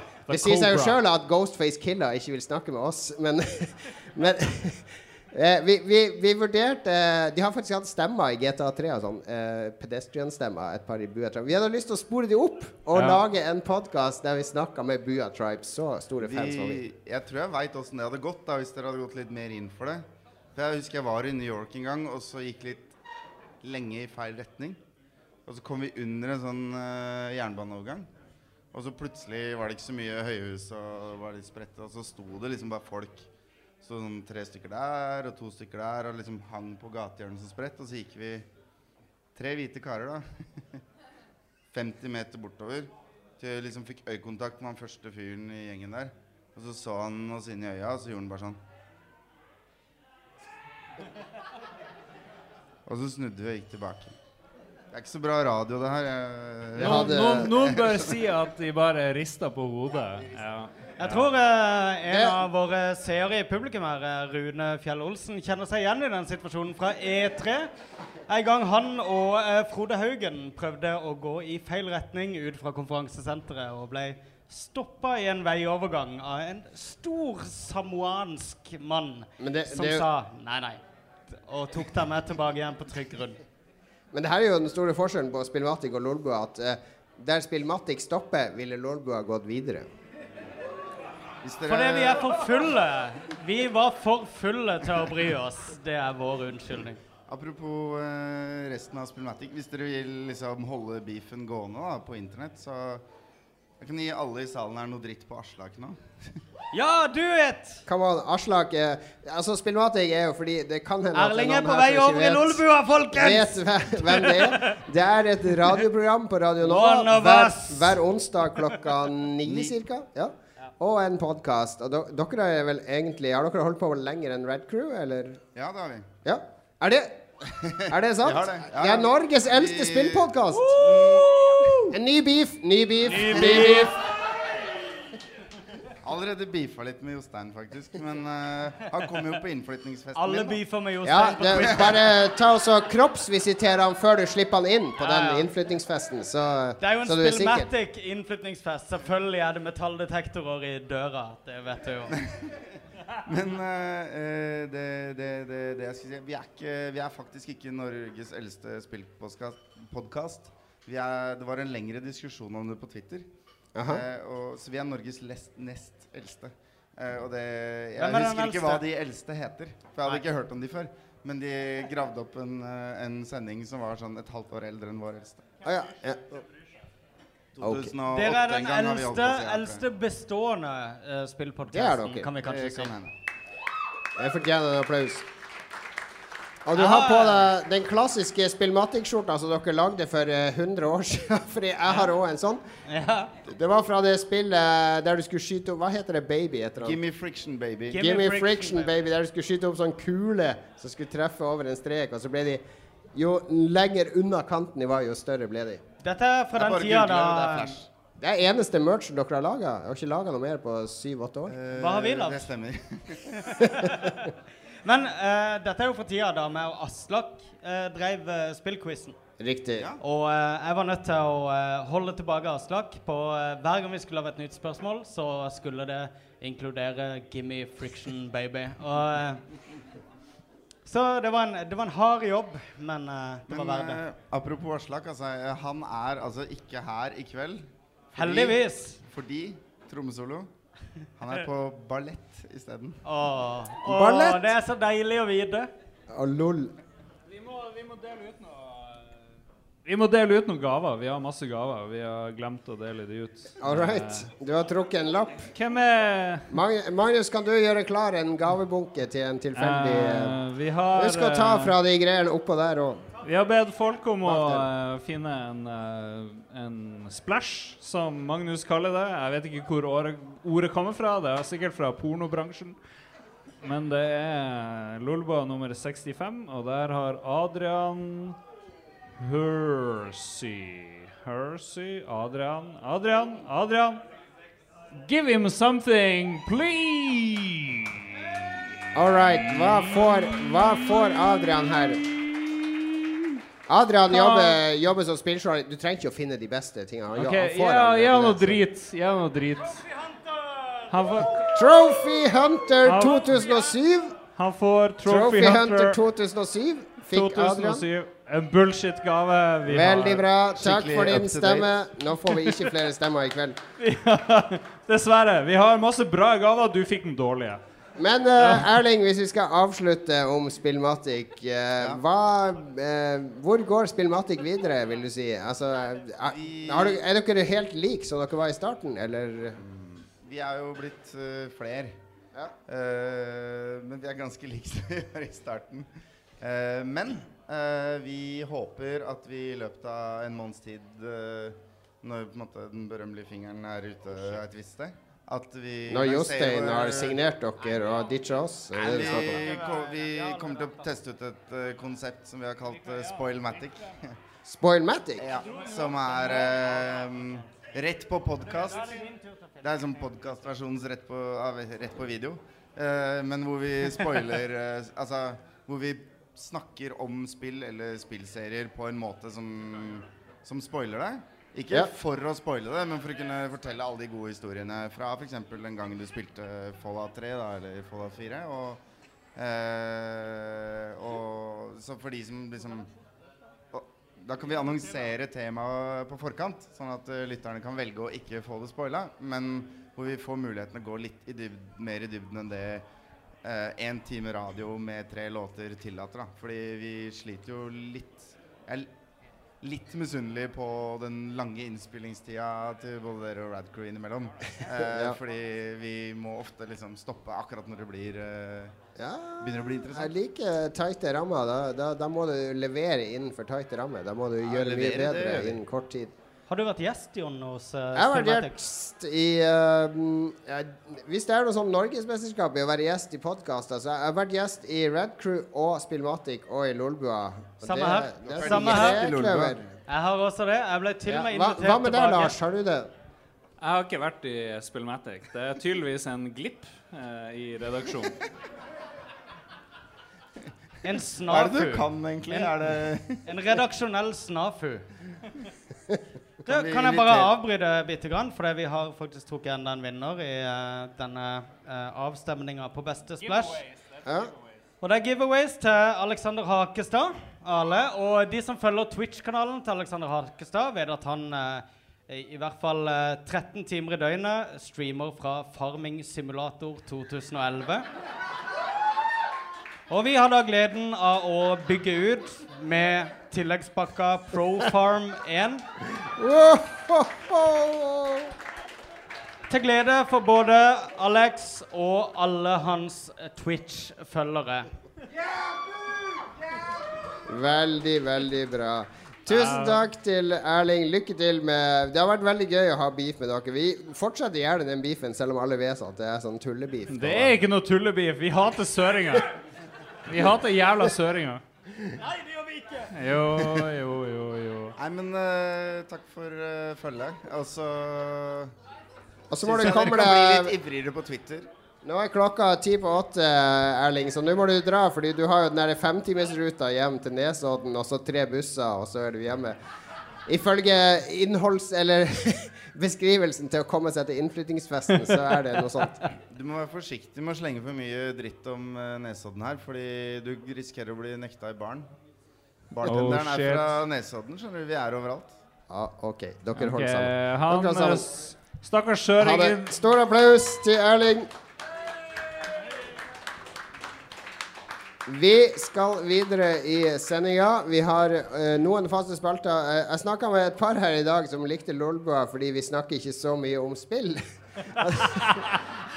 det, er det helt sant. Ja, det er jo for så Oi, oi, oi. Hva er folkens? Vi får drink. Vi har fått nye drinker. Hva er det vi får? Hva det er uh, det? er tequila. Oh, tequila. Fuck me. Fuck tequila. Sannhetens brygg. Som en takk for Trophy Hunter, bare. Fucking hell. OK, Oh, vi skal klare det. Vi skal videre til neste spalte. Vi har noen faste spalter, og de som hater at vi snakker om spill, de liker sikkert ikke denne spalten, men vi bruker å snakke om hva vi har spilt i det siste. Det gjør vi. Og da vil vi gjerne ha to gjester som også deler sine spillopplevelser oh, med oss. shit. Jeg tror vi skal hente opp eh, Jeg tror hun heter Nina. Ja. Nina, please. Nina, du må være med på podkasten. Fast Lolbua-lytter. Skal vi, skal vi hente opp han Kom igjen, da, Nina. Du blir med. Jo, jo, det er, det er ikke noe kamera her. Philip filmer ikke. Bare film. Bare film. Altså Carl. Carl, kan ikke du være med? Carl, hei. Det er mange som savner Carl nå som level up er borte. Har Vi har vi, en, noe eh, vi må ha en ekstra stol her. Altså må du og, du og Nina må dele mikrofonen. Ja, nå er nå Shit is going down, sier Shit jeg is bare nå. going down. Nå skal vi høre hva folk egentlig mener. Ja, Vi skal snakke om hva vi har spilt i det siste. Uh, det er en spalte Det er ikke noe krav til at du må ha spilt nye spill. Jeg kan, fordi Her kommer litt sånn perpleks på Nina og Carl. Det ser jeg på dem. Så jeg kan jo begynne. For jeg spilte et helt nytt spill i går som heter Det er det nye Homeworld-spillet. For de som ikke kjenner Homeworld, vet du hva det er? Det er Otherworld. Ja, det, er sånn det var sånn romstrategispill fra slutten av 90-tallet. World. Som var veldig, veldig pent og kult. Det hadde musikk fra Yes, Uh, den introsangen. Oh shit, yes! Ja, og så hadde det masse eh, sånn der bakgrunnsstøy, sånn radiostøy, eh, hele tida, fordi du var i verdensrommet. Sånn altså, Alle hørte om Yes! Nå avslører vi vår alder. Jeg spilte Den oppfølgeren til det spillet lages av Gearbox Software, som har litt sånn frynsete rykte, men de har også et veldig bra rykte. De lager jo Borderlands-spillene. De lagde Aliens Colonial Marines, men herregud, holder ikke det mot de. Fordi det nye Homeworld-spillet Ja. Der flytter de action ned på en ørkenplanet. Oh, det er veldig unikt. Det er et RTS på en Det er et RTS på en ørkenplanet. Det er veldig Dune 2, tenker du med en gang. Og ja, det gir meg Dune 2-vibber, men på en supergod måte, fordi det er så utrolig elegant laga. Og jeg hater egentlig RTS, men akkurat Homeworld har jeg av en eller annen grunn sånn svakhet for. Likte du Dune 2, da? Dune 2 eh, elsker jeg når det kom. Eller det første House RTS. Atreides og Harkonnen og eh, det siste Hva heter det siste huset i Dune? Ordos, selvsagt. Ah. Eh, men, men nye Homeworld-spillet Alle som har sånn der eh, tvil om at Gearbox kan fortsette Homeworld-serien, sjekk det ut. Det er på Steam nå.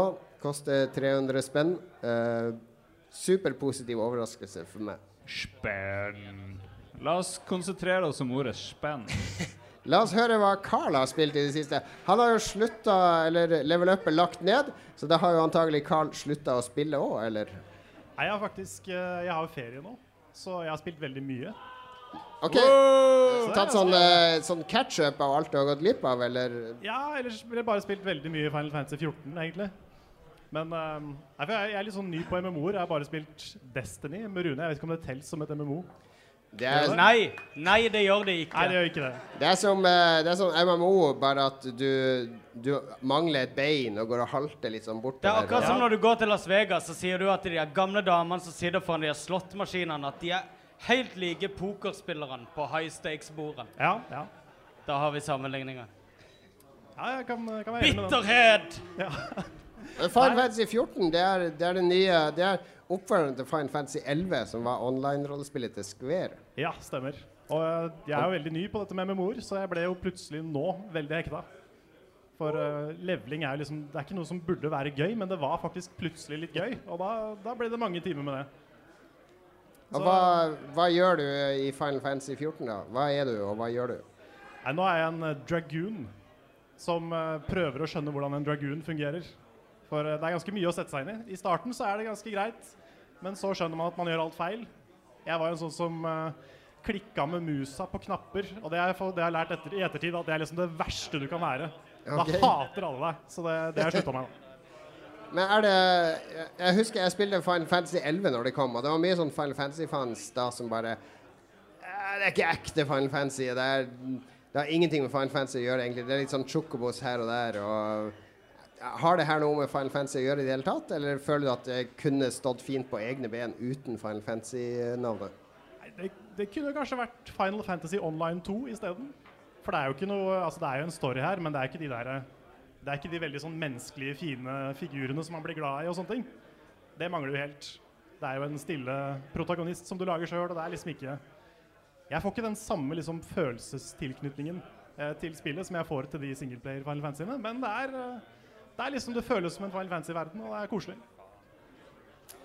Kult. Eh, Nina, da, så vi dro opp uten noe som helst forvarsel. Nina! Takk for det.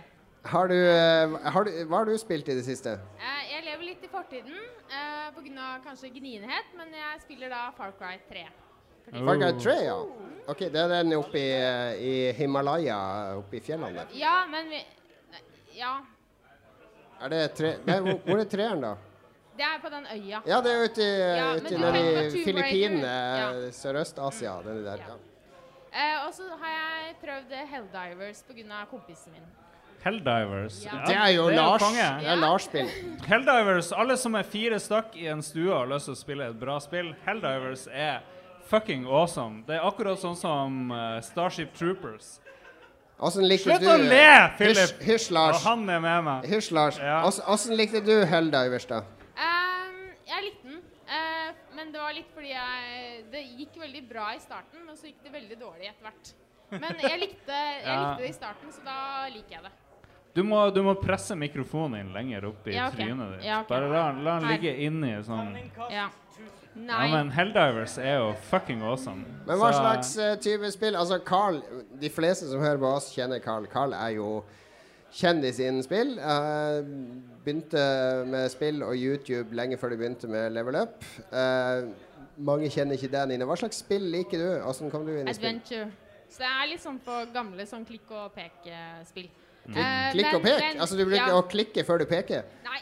Da kommer ikke langt i de adventure-spillene hvis du klikker og så peker. Det, Nei. Men sånn eh, Det er Myst og Riven og Jeg er litt i den duren der. All right, all right. Da, da sitter du igjen med rett mann, fordi Magnus han har helt sikkert undersøkt noen pek og, eh, klikk og pek-spill i det siste. Um, nei, for jeg er tilbake Klikk på og pek, det er litt sånn Halloween-spill. Du klikker på Ja, ja. ringapparatet, altså knask eller knep. Klikk eller pek. Pek er jo Ja, OK, driter i det. Gå videre. Tequila. Syns jeg du er en veldig dårlig host her, Jon Cato.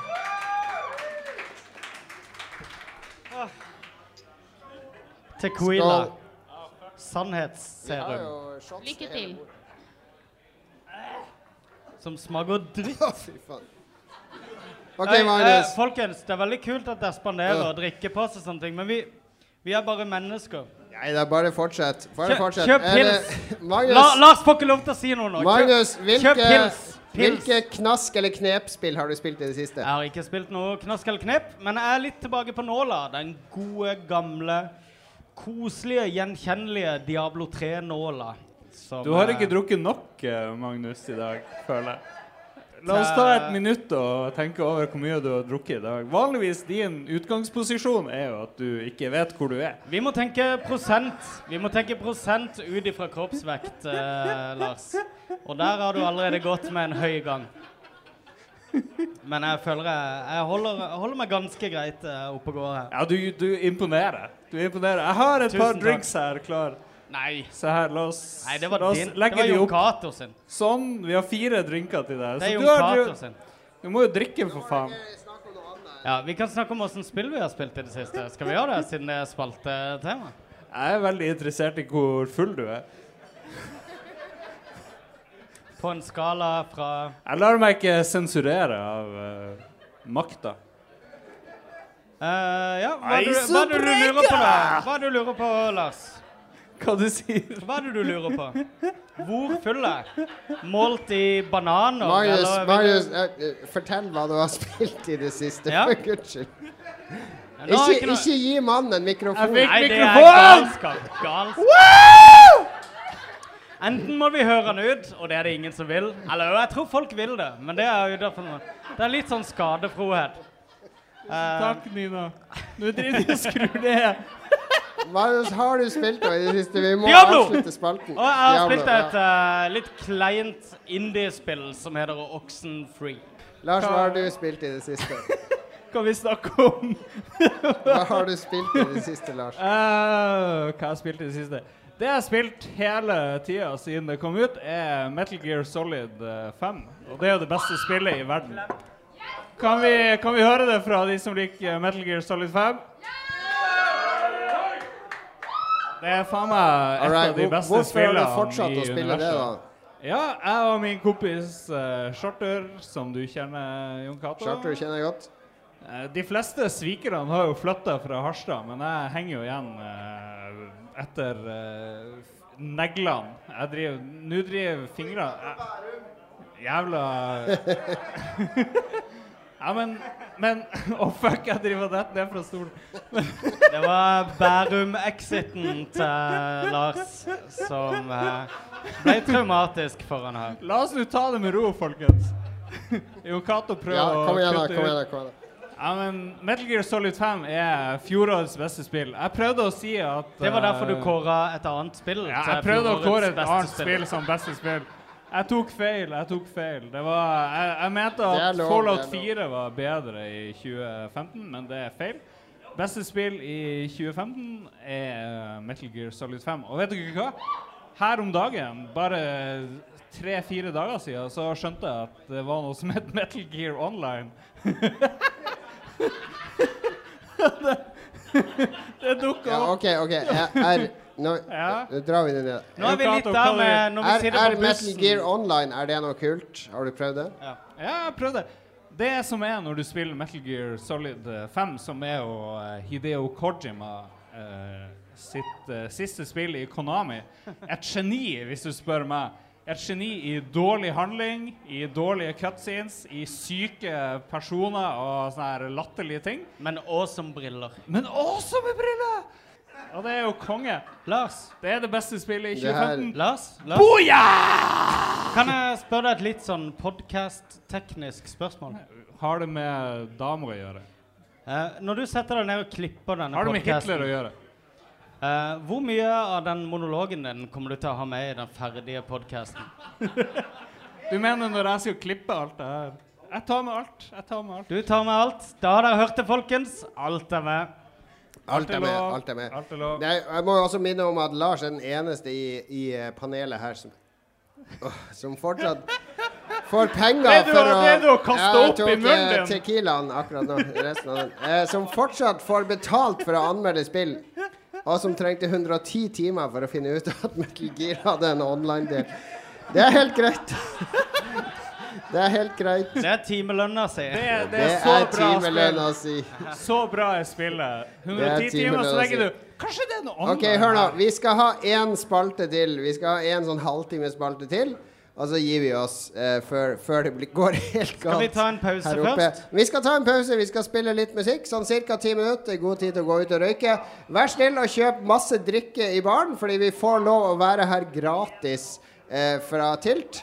Eh, og de blir veldig glad hvis de faktisk vi tjener litt premie Vi har masse premier. Og vi har masse bare- premier igjen, ja. så i siste halvtime så blir det massiv premieutdeling. Men vi spiller litt musikk, og så er vi tilbake om en ti minutters tid.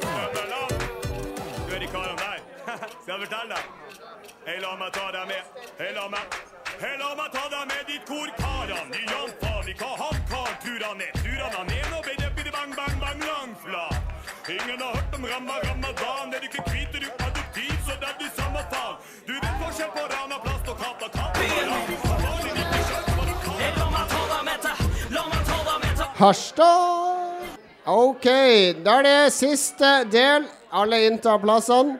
Uh, det var jo uh, Det vi hørte der, var jo Jodski og RSP. Jodski og RSP. Som, uh, som hadde en coverversjon av Carpe Diem. Det er Carpe Diem, er det ikke det? Ja? Vestkantsvartinga. Ja, Ja. det er Nordlandssvartinga. Den er konge. Men det passer jævlig dårlig med La meg ta det med til Kristiansand! Mye finere. Det, det passer ikke i det hele tatt. Mye finere. Mye finere. La, Det- la meg ta det med til Palmekysten. Å, Palmekysten. La meg ta det med til Voiebyen! Voiebyen! La meg ta det med til Dyreparken. Til, eh, til uh, den morsomme apekatten Ok, Vi Julius. liker, vi liker Jeg får av og til eh, tilbakemelding på at jeg, at jeg mobber Magnus. Og det gjør du. Ja, jeg griner mye, jeg det griner er, mye mellom sendingene. Det er Jeg vet ikke helt hvorfor jeg gjør det. Det, det har bare vært siden vi ble kjent, omtrent. Ja, det er sant, det. Og jeg er så glad i å bli mobba. Jeg tror ikke du er det, men det er um, Ikke innerst inne, men sånn. Men det er, hvis det er det eh, det koster å være venner med deg, Jon Cato, så, så tar jeg det. Og så okay. griner jeg heller når jeg er alene. OK, OK. Er du i slekt med apekatten Julius? Ja, det er Vi er fettere. Good og fett. Good og fett. Men du, vet du, vet du hva? Uh, altså, Julius eh, vokste opp store deler av sitt liv i samme gate som jeg vokste opp. Oh my god. Det er true story med Sandveien. Så det er ingen som vet om den som ble plassert tilbake i Dyreparken, faktisk er Julius, eller deg. Det er korrekt. At du faktisk er Julius. Så de klarte å menneskefisere så mye at du fungerte som menneske. Yes, du- begge to skarra på Ok. R-en, og da var det gjort. Vi kutter der. Vi kan ikke gå videre der. Vi, vi skal i den siste fasen av Lolbua. Dette er egentlig lytterspalte, så vi skal ha masse lytterspørsmål. Vi, vi skal ha et ti minutters intervju med to veldig nære Lolbua-venner først. Så alle som sitter rundt her nå, kan uh, Vi vil gjerne ha masse lytterspørsmål mot slutten etter vi har snakka med de. Vi har masse premier, ikke sånn drittspill som vi har gitt til Alexander og de andre. Vi har sånn Tomb Raider på Xbox One. Vi har uh, Bloodborne. Bloodborne, uh, mega presskit-pakke osv. Som vi kommer til å gi til alle, lyt, alle publikum som stiller spørsmål til oss. Nei, ikke Etter. til alle i publikum. Ja, altså de, de som tør å stille spørsmål ja, men, Vi har at- ikke så mange spill, Jon Cato. Magnus, det jeg driver nå, er å, å gire opp publikum til å tenke ut spørsmål. Fordi vi kommer til å ha to gjester nå, så at de kan sitte og gruble litt. Rekk opp hånda etterpå, så kommer du opp, stiller spørsmål til oss, og så får du en gave. Yes. Det, det er dealen. Og det kan være Alexander, det er ikke ennå. Etterpå. Etterpå, Alexander. Vi vil ha opp to stykk først, som er gamle venner av Lolbua. Knut! Knut Hore! Knudan! Knut! Han sitter der borte. Knut! Knut og Frank. Frank, Frank, Kan, Frank, kan alle Frank, si Frank, Knut, Knut, Knut og Frank, Frank, Frank, Frank? Knut, Knut. Kom her, Ta plass på sida her. Det var jo en eh, fantastisk eh, opplevelse. All right. Vi. Vi, har For de som har fulgt hyttepodkastene våre, så er jo Knut et fast innslag i bakgrunnen. Det er han som bruker å, å rope Det er han som bruker å rope 'hore' Hore! og, og og andre ting i bakgrunnen. Frank, som sitter ved hans side med skjegget der, han lagde verdens første grafiske MMO, og det er ikke kødd. Han lagde verdens første grafiske MMO. Det fortjener en applaus. Når alle drev og spilte online-rollespill med tekst, med sånn West Pick Up Sword Attack Troll, så lagde han en sånn blanding av Ultima og Gauntlet og Muds på, på Blindern. Så, det er så han eh, Du gjorde Han det ble, Frank. han ble også arrestert av politiet. Nei, nei, nei, det skal vi ikke snakke om her. Det, det er en annen historie. La oss snakke litt med Frank først, for du var jo gjest i uh, LOL. Den er litt kort. Det jeg er interessert i, er hvordan han ble arrestert Nei, av du, politiet. du var jo gjest i Lolbua før, og du, du snakka du, du lagde Crossfire, som det spillet het på Linux. Ja. Ja. Hvorfor lagde du det? Var du av den typen som lagde spill du hadde lyst til å spille sjøl? Fordi det vet jeg mange spillutviklere sier. Jeg bare lager det jeg har lyst til å spille sjøl. Nei, det var jo helt siden uh, Commodore 64 uh, i sin tid at uh, det var jo Spillene var jo så simple at det var like greit å lage sjøl det man sa. Du må holde mikrofonen sånn helt Ja. inntil. Kline. Det, det var jo like greit å uh, lage det som man savna, som man ikke fant i andre spill. Og noen, noen sjangre allerede tilbake på Commodore 64 var jo superlett å lage, sånn som adventure-spill og sånt. Og det er sånn at du har lagd det oppe på Blindern. Ja, det var jo lenge etter Commodore 64, da, men uh, Ja. Hysj! Var det, var det du- superlett å lage det? Du satt på Blindern og lagde det spillet her. Eh, eh, lanserte det? Eller det kan ikke kalles lansert, du tok ikke noe penger for det. Du var jo en del av det ideelle eh, universitetsfolka som bare lagde ting for å, Ja. for å mestre ting. Ja, Da ble kildekoden eh, posta på News, som man gjorde den gangen. Så GNU-lisens. Men det var mange som spilte det, var det ikke det? Nei eh, Sånn totalt i hele verden eh, Ja, vi snakker bare om noen hundre, tror jeg. Noen hundre? Jeg trodde det var mye større enn det. Det er jo masse Det er jo masse det er jo sånn Japanere sitter jo og modner på det spillet i dag, gjør de ikke det? Eh, ja, jeg, vet ikke akkurat i dag, men inntil for noen år siden i fall, så var det diverse avleggere av det. Um, Daimonin, eksempel. Ja, men det er ikke japansk, det. Det er amerikansk. Okay. Som, så brukte samme spilleren sin. Ok, men du, du, du er med fordi du er en av våre to filosofer i gjengen. Du er den filosofen som mener at et uh, AI-styrt samfunn er til det beste for alle. Og så har vi det andre som faktisk har, har en utdanning i filosofi. Knut. Det er du som roper hore og at det vi driver med, er meningsløst. Og tar Nietzsche-posisjon. Du må holde den sånn helt inntil haka, så at den er borti haka di. Sånn at alle kan høre hva jeg sier, ja. ja. Det er jo eh, Men jeg jo jeg tenker på det at det er jo eh, hore er jo et eh, godt begrep, for det er jo Det, er, det er er jo det veldig godt uttrykksfullt. Det fanger jo så mange ting opp i det begrepet. da. Ja, hva alle fa- hva alle folk blir stille når jeg sier det. Hvem er det du, hvem er det du retter deg mot når du sier Nei, hore? det kan jo være det. Så- det så- fungerer Verden- egentlig i alle sosiale sammenhenger. Ikke? Ja. Er det verden du snakker til når du sier hore? Ja, la, la oss Også, summere og opp som her. god muslim så kan man jo uttale det, vet du. ikke sant? Nå, la oss summere opp her. Altså, du mener at hore er et godt ord fordi det får folk til å tie stille i alle sammenhenger når du roper det ut? Det gjør det. det, gjør det. All right. Men du er jo også Du er jo faktisk utdanna filosof.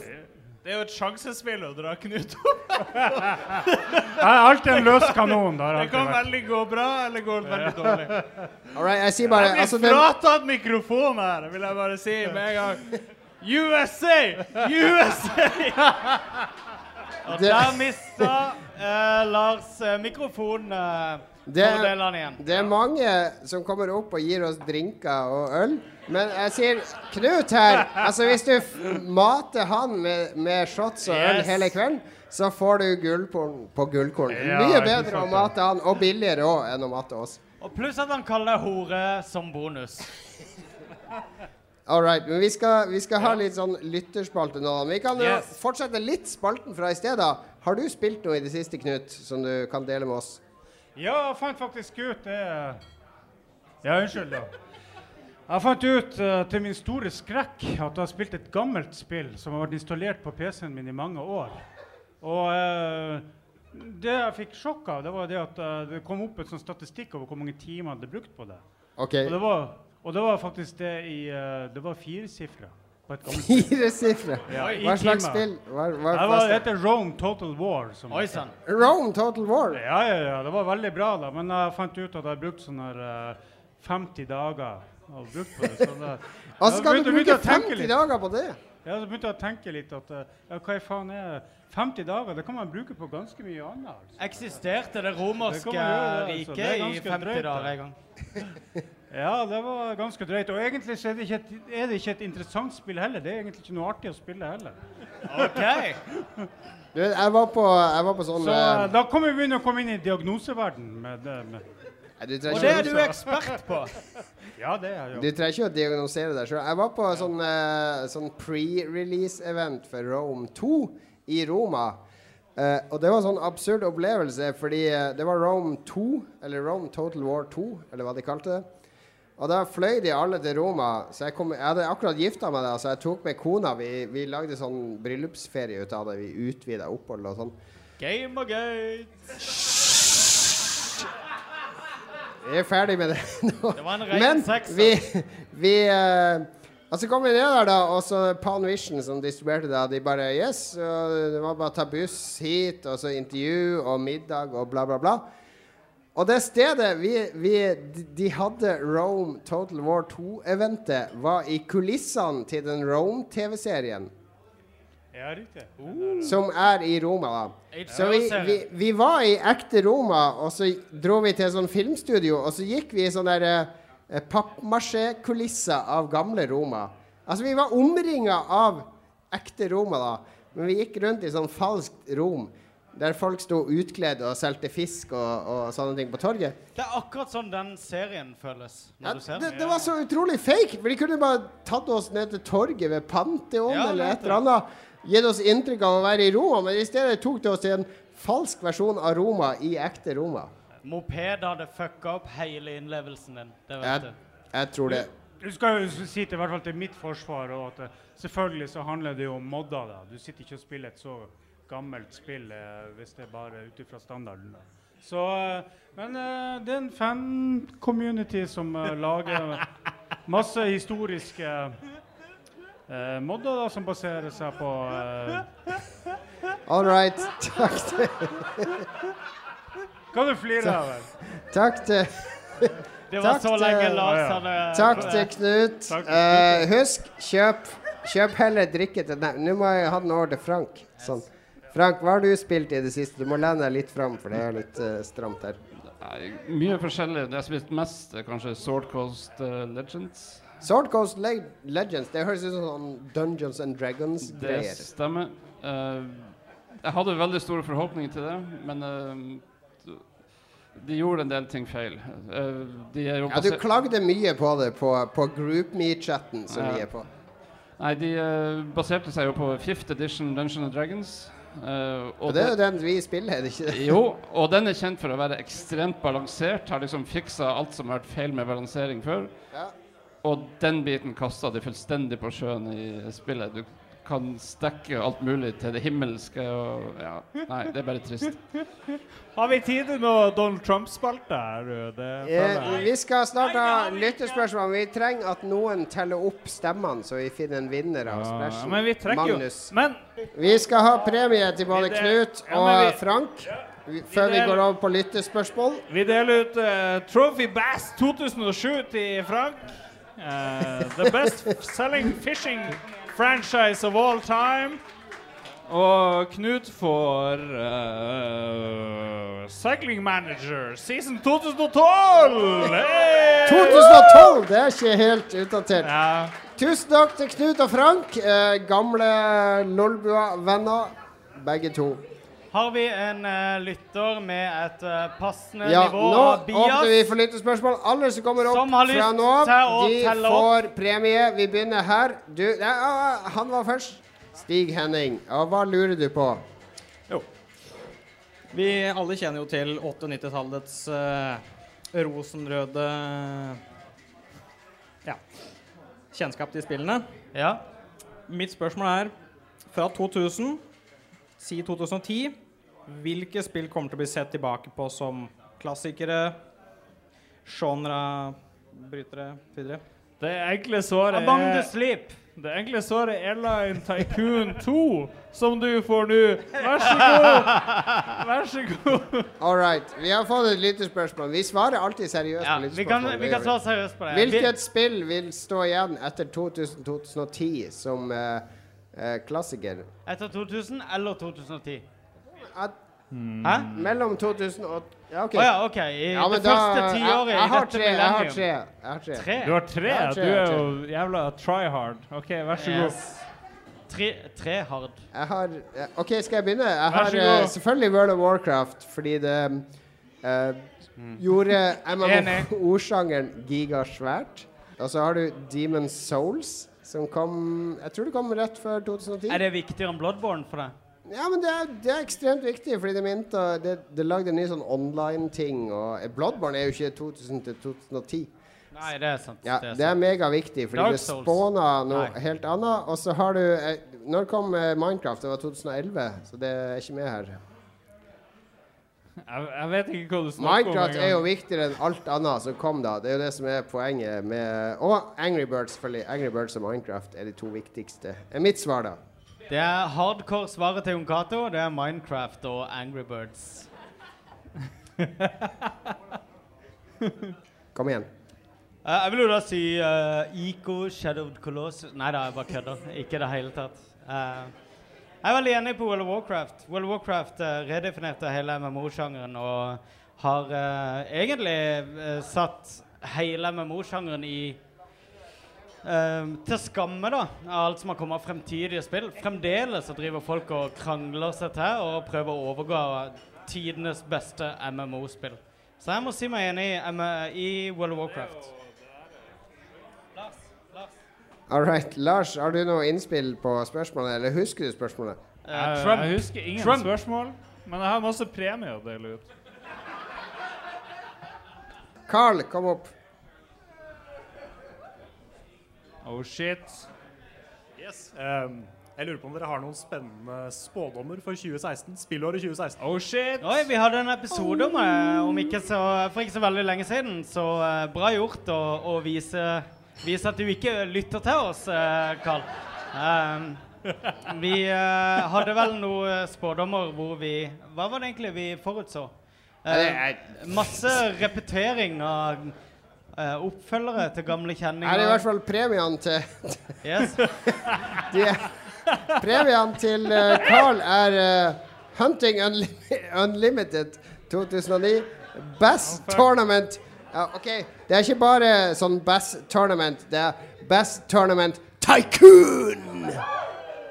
Og så er det Pro Cycling Manager season 2011. Vær så god. Eh, Jon Cato, når du sa at vi, vi tar alle spørsmål på alvor Ja, vi gjør jo det. Var det da du bare avbrøt mitt svar og sa 'Men vi har premier!' OK, vi, hva er spådommene for i år? Ja, vi har, vi har for mange premier til uh, fornuftige svar her, så vi må bare dele de ut. OK, jeg spår at uh, den store Cato er superkonsentrert her på Ja, han- opptellinga. han regner, Han han gjør en god jobb. Carl, jeg tror at eh, den store spilljournalistikkrisa i Norge som ble spådd i slutten av i fjor, eh, den, den blir ikke så stor som det ble spådd. Sannsynligvis. Og vi tror også at eh, VR kommer til å vente i hvert fall et år til før uh, det Enda blir uh, år? Allemannseie. Og ikke glem at det her blir Vita-året, Magnus. Det, det, 2015 var det store hvite året. Dette var mitt, eh, mitt lille øyeblikk i eh, teatersportens ånd, hvor Jon Cato spurte eh, Du som nettopp har kjøpt en Vita, er det fordi at du tror at Vitaen kommer til å ta av i år? Så sa jeg humoristisk og lekent ja. Lars, hva er din Og det er nå spådom? blitt Hva er min din spådom, spådom. Lars? Jeg tror at i 2016 så kommer Atle til å få Tomb Raider til uh, Xbox uh, One. All right. Og Atle, Det vi har Atle her nå. Eh, vi har spilt mye Destiny sammen, er vi ikke det? Det har vi. Du er hardcore i Destiny. Ja. Er du litt, litt lei nå? Nei. Eh, Se, ser du fram til Valentiner-Destiny, der du må spille med én partner? Hvem skal du velge som partner da? Blir det Prell eller blir det Rune? Det blir jo selvfølgelig Rune. Han er jo Oi sann! Oi sann! Her har vi et mentalt Det er selvfølgelig. Atle her, som er fra, fra podkasten Radio Kosmodrom. Som fordi de er på VG, har mye mer lyttere enn Lolbua. Oh, sånn totalt ufortjent! Men uh, yes, du har fått et spill her eh, for å stille opp, og det er Det er eh, Tomb Raider på Xbox One. Rise of the Tomb Raider. Nice. Vi- Årets Nå må vi etablere at vi ikke bare gir bort dritt. Og det er årets spill fra meg. Det er årets spill. Og da er spørsmålet til oss. Årets spørsmål eh, Årets spørsmål. spørsmål. Årets spørsmål. OK, nå la du lista høyt. Det her er årets spørsmål. OK, nå får du innspill fra Thomas Hege her. Ja, det er juks. Okay, det er litt- superheltrelatert. OK, ja. Eh, spørsmålet blir jo Jeg så deres fantastiske Eller deres fantastiske rekke av streams når den nye Raided to Destiny kom ut. Får vi en Ah. reprise neste gang? Med neste raid kommer vi til å kjøre reprise på Lolbua, Lars. Yes, Nei, bare Lars nei, nei, kommer til å grine mye mer gjennom hele greia. det beste med Destiny er jo Vault of Glass. Og det nye Hva det heter for noe? Det der uh, heksetingen King, uh, og Hva, hva det heter for noe? Kings Fall, er det ikke? Kings Nei, hva det heter for noe? King- Spør du meg? Kings Fall, ja. Kings Fall. Ja, det er King. bullshit. Ja, Kings Fall heter Bounty. Eller Det første raidet til Destiny Raidet. var utrolig mye bedre enn alle de andre raidene. Sånn er det. Er det noen som er uenig? er oppfølgingsspørsmål. Lars! Ja. Nå må du få oppfølginga. Hvem er det som er enig i at det, siste, det første raidet i uh, Destiny er det, beste? Det er, ingen som, er, det er ingen som har spilt det, men Atle har et oppfølgingsspørsmål til det. Lars, er det fordi du mestrer det raidet?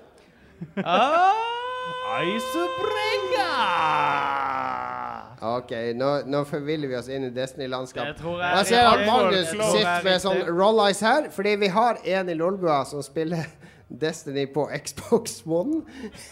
Der det er sånn ti spillere.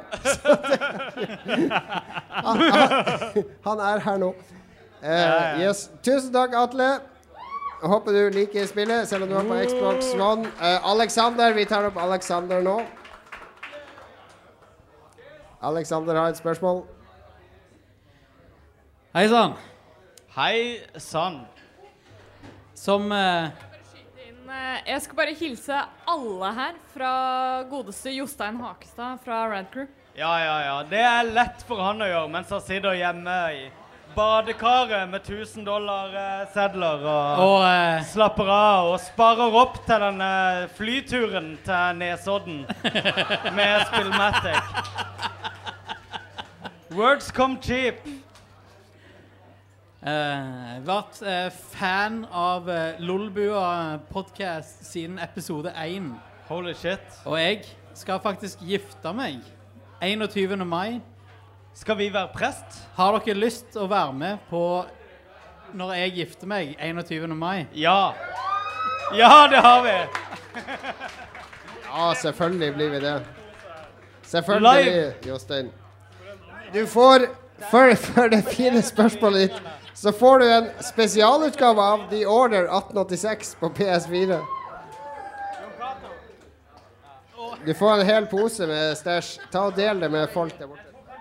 Skal jeg eh, òg invitere Lars, eller er det Eller kommer det til å gå galt? Er, Eller? er Lars en sånn type du vil ha i bryllupet ditt, føler du akkurat nå? Lars fungerer i bryllup. Han gjør det. Han gjør det. Det er veldig bra. Et shotfritt bryllup. Philip med F. Verdens beste streamer, tør jeg si. Hvor mye gleder dere dere til Final Fantasy 7-remaken? Tre! Tre! Tre! Mye eller veldig mye? Oh, ja, OK. Uh, vi har jo en greie med Philip med F her, med at uh, når vi lager quiz, så inkluderer vi stort sett et spørsmål som dreier seg om Final Fantasy 7. Med relevans til Final Fantasy 7. Ja. Ja. Eh, og det regner jeg med eh, grunnen til at han spør om vi gleder oss til den eh, episodeoppdelte grafikkoppdateringa av et spill vi allerede har spilt i hjel. Um, mitt spørsmål Nei, mitt svar, ikke mitt spørsmål, er vel eh, Nei, ikke veldig. Ikke veldig. Jeg gleder meg til å se den nye grafikken, og jeg kommer til å spille det helt frem til jeg husker handlinga. Overskuddsspilling. Lars, skal du spille det? Du, du elsker jo Final Fantasy 10 HD på PlayStation. Final Fantasy 10 har jeg prøvd å lære meg på piano. Men jeg lurer på hvem vi skal dele ut av de som har svart her. Den megaposen her med OK, vi har bare megaposen igjen. Vi har, vi har megaposen igjen. OK, da tar vi uh, Ida, der, uh, der og der. Fire still, og så skal vi ha siste utdeling. Uh, Ida først. Hva lurer du på? Uh, jeg lurer rett og slett på Jeg ble veldig glad for den lille Metal Gear Solid-ranten som Lars hadde der i stad. Fordi Ah. jeg, jeg Ah, yeah. som, som kanskje eneste eier i Norge av en Big Boss bodypillow ønsker, Her kommer det frem! Yes, det er jeg i Lolbua det skal sies. Ønsker først og fremst å invitere meg selv på hvis det noen gang blir en Metal Gear Solid-spesial av Lolbua, så blir jeg veldig gjerne med. Da er du Men- allerede invitert. Ja, men det er bra. Eh, og så lurer jeg da naturligvis på det store spørsmålet Big Boss eller Solid Snake? Uh, Big Boss Big Boss vinner hver gang. Thank you. Thank you. Magnus, Thorn. hvem ville du gått til sengs med? Big Men- Boss eller Solid Jeg synes syns det var et veldig lada spørsmål. eh. Ja, det er bare hvis, hvis, du, hvis du har tilbøyelig til å gå til sengs med en mann, hvem ville du valgt av de to? Det, noe, det sier ikke noe om hvem du er, det er jo bare Imp impliserer det sex, eller er det greit at vi bare på en måte spooning. sover i spooning. samme Ja, seng? spooning i hvert fall. Så hvis vi kommer hjem fra en annen fest, og vi sover på hver vår side av senga, så teller det? Ja. Jeg, jeg tror Big Boss er kulest å feste med. All right, jeg tar uh, Han blondeste er Big Boss. Jeg kjenner Ja, OK, jeg tar Big Boss. Big, Big Boss Boss er er greit. Vi har et nytt lyttespørsmål. Hva heter du? Even. Og hva lurer du på, Even? Um, hvilket nylansert spill har dere utsatt å spille fordi dere spiller noe som er bedre eller like bra? Herregud, for et tenkespørsmål, Even. Eh, et nylansert spill vi har utsatt Sorry. Det er så lada, det spørsmålet, at det er umulig Magnus og Lars. Unnskyld. Ja. Hva var spørsmålet? Vi er midt i en intern Nei, hvilket nylansert spill har dere utsatt å spille fordi dere spiller noe som er bedre? Men hvordan vet vi at noe er bedre hvis Ja, vi ikke har spilt Det er et helt håpløst spørsmål. Eh, jeg vil si Witcher eh, 3. Er det det siste? Witcher 3 kan du Ja. svare. Ja. Det er helt legitimt. Utsatt. Det tror jeg Magnus så har utsatt. Ja, eh, jeg har spilt ganske langt på Witcher 3. Jeg tror jeg har en sånn 70 timer i det eller noe. Men eh, jeg stoppa fordi det kom noe annet. Og det er et spill jeg, jeg ønsker meg tilbake igjen til. Det vil jeg innrømme. Mm. Ja, det var veldig bra. Var All bra. right. Carl, du er nest siste. Erik ber om en no. Ja. Ja, eh, nå har jeg ikke det første spørsmålet. Jeg må finne på noe. Jeg, jeg tok det opp. Eh, Erik, du kan komme i stedet for Carl. Vi har Erik Hva er det Fossum her du òg. driver med, Jon Cato? Erik Fossum er Erik jo Fossum! eh, Fox Pressfire! Han har Pressfire! skrevet kronikk i Game Reactor. Han Og har min- jobba i Pressfire og, og min Dagbladet. nabo. Nå er han en av to eh, eiere av eh, Pressfire. De har gått ut. Dere har gått ut av Dagbladet. AS. AS er aksjeselskap. Hvor mye koster aksjene? Eh, Sånn én krone? Én krone. Sånn cirka. Du har et spørsmål, Erik. Ja, altså Siden du var sjefen min i Game Reactor de stakkars to ukene jeg var der, så tenkte jeg at når du, når du ikke lenger er i, eh, i eh, journalistbransjen, og for så vidt Magnus òg Hva er den mest outrageous historien du har fra norsk spillpresse gjennom tidene? Oi.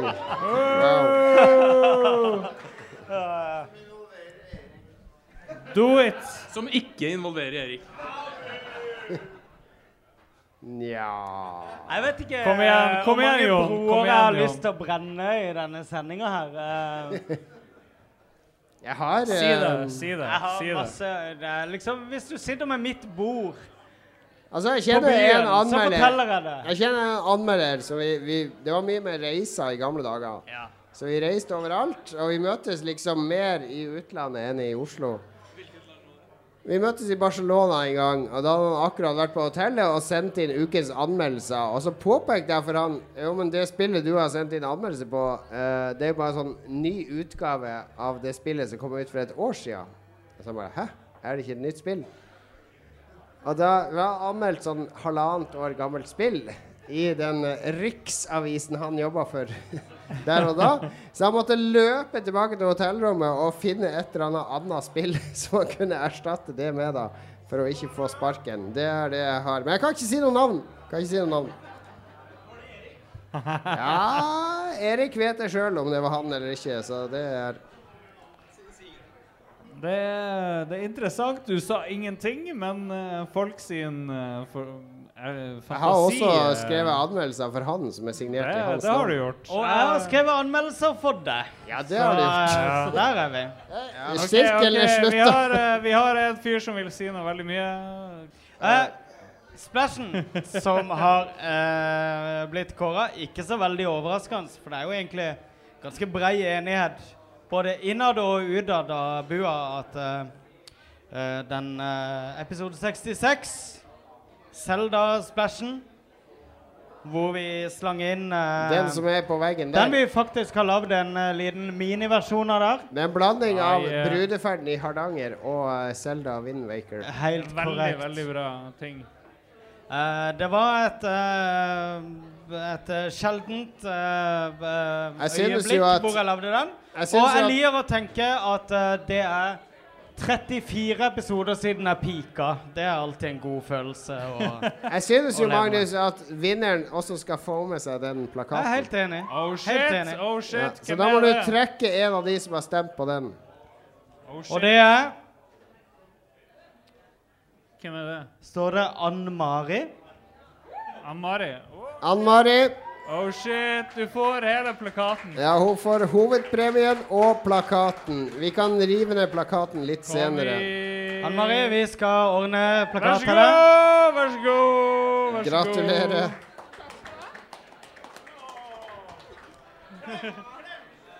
Klem, Ja, klem, veldig bra. Hvor- klem, hvorfor- klem. hvorfor- Og takk for stemmen din. Hvorfor valgte du akkurat den? Det var egentlig bare den som eh, jeg likte best, sånn estetisk. Jeg har ikke noe bedre svar enn det. Hører du på Lolbua til vanlig? Nei. Ikke enda, men nå OK, OK. Ja! All right. Vi har en ny fast lytter. Tusen takk til Ann Det var Ann-Marit du het? Yes. Ann-Marit. Tusen takk. Tusen takk til Ann-Marit.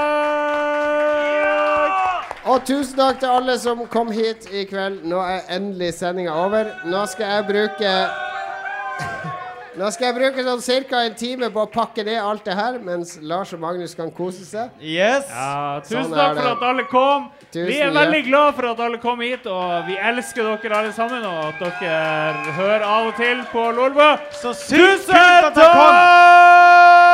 takk! Yeah.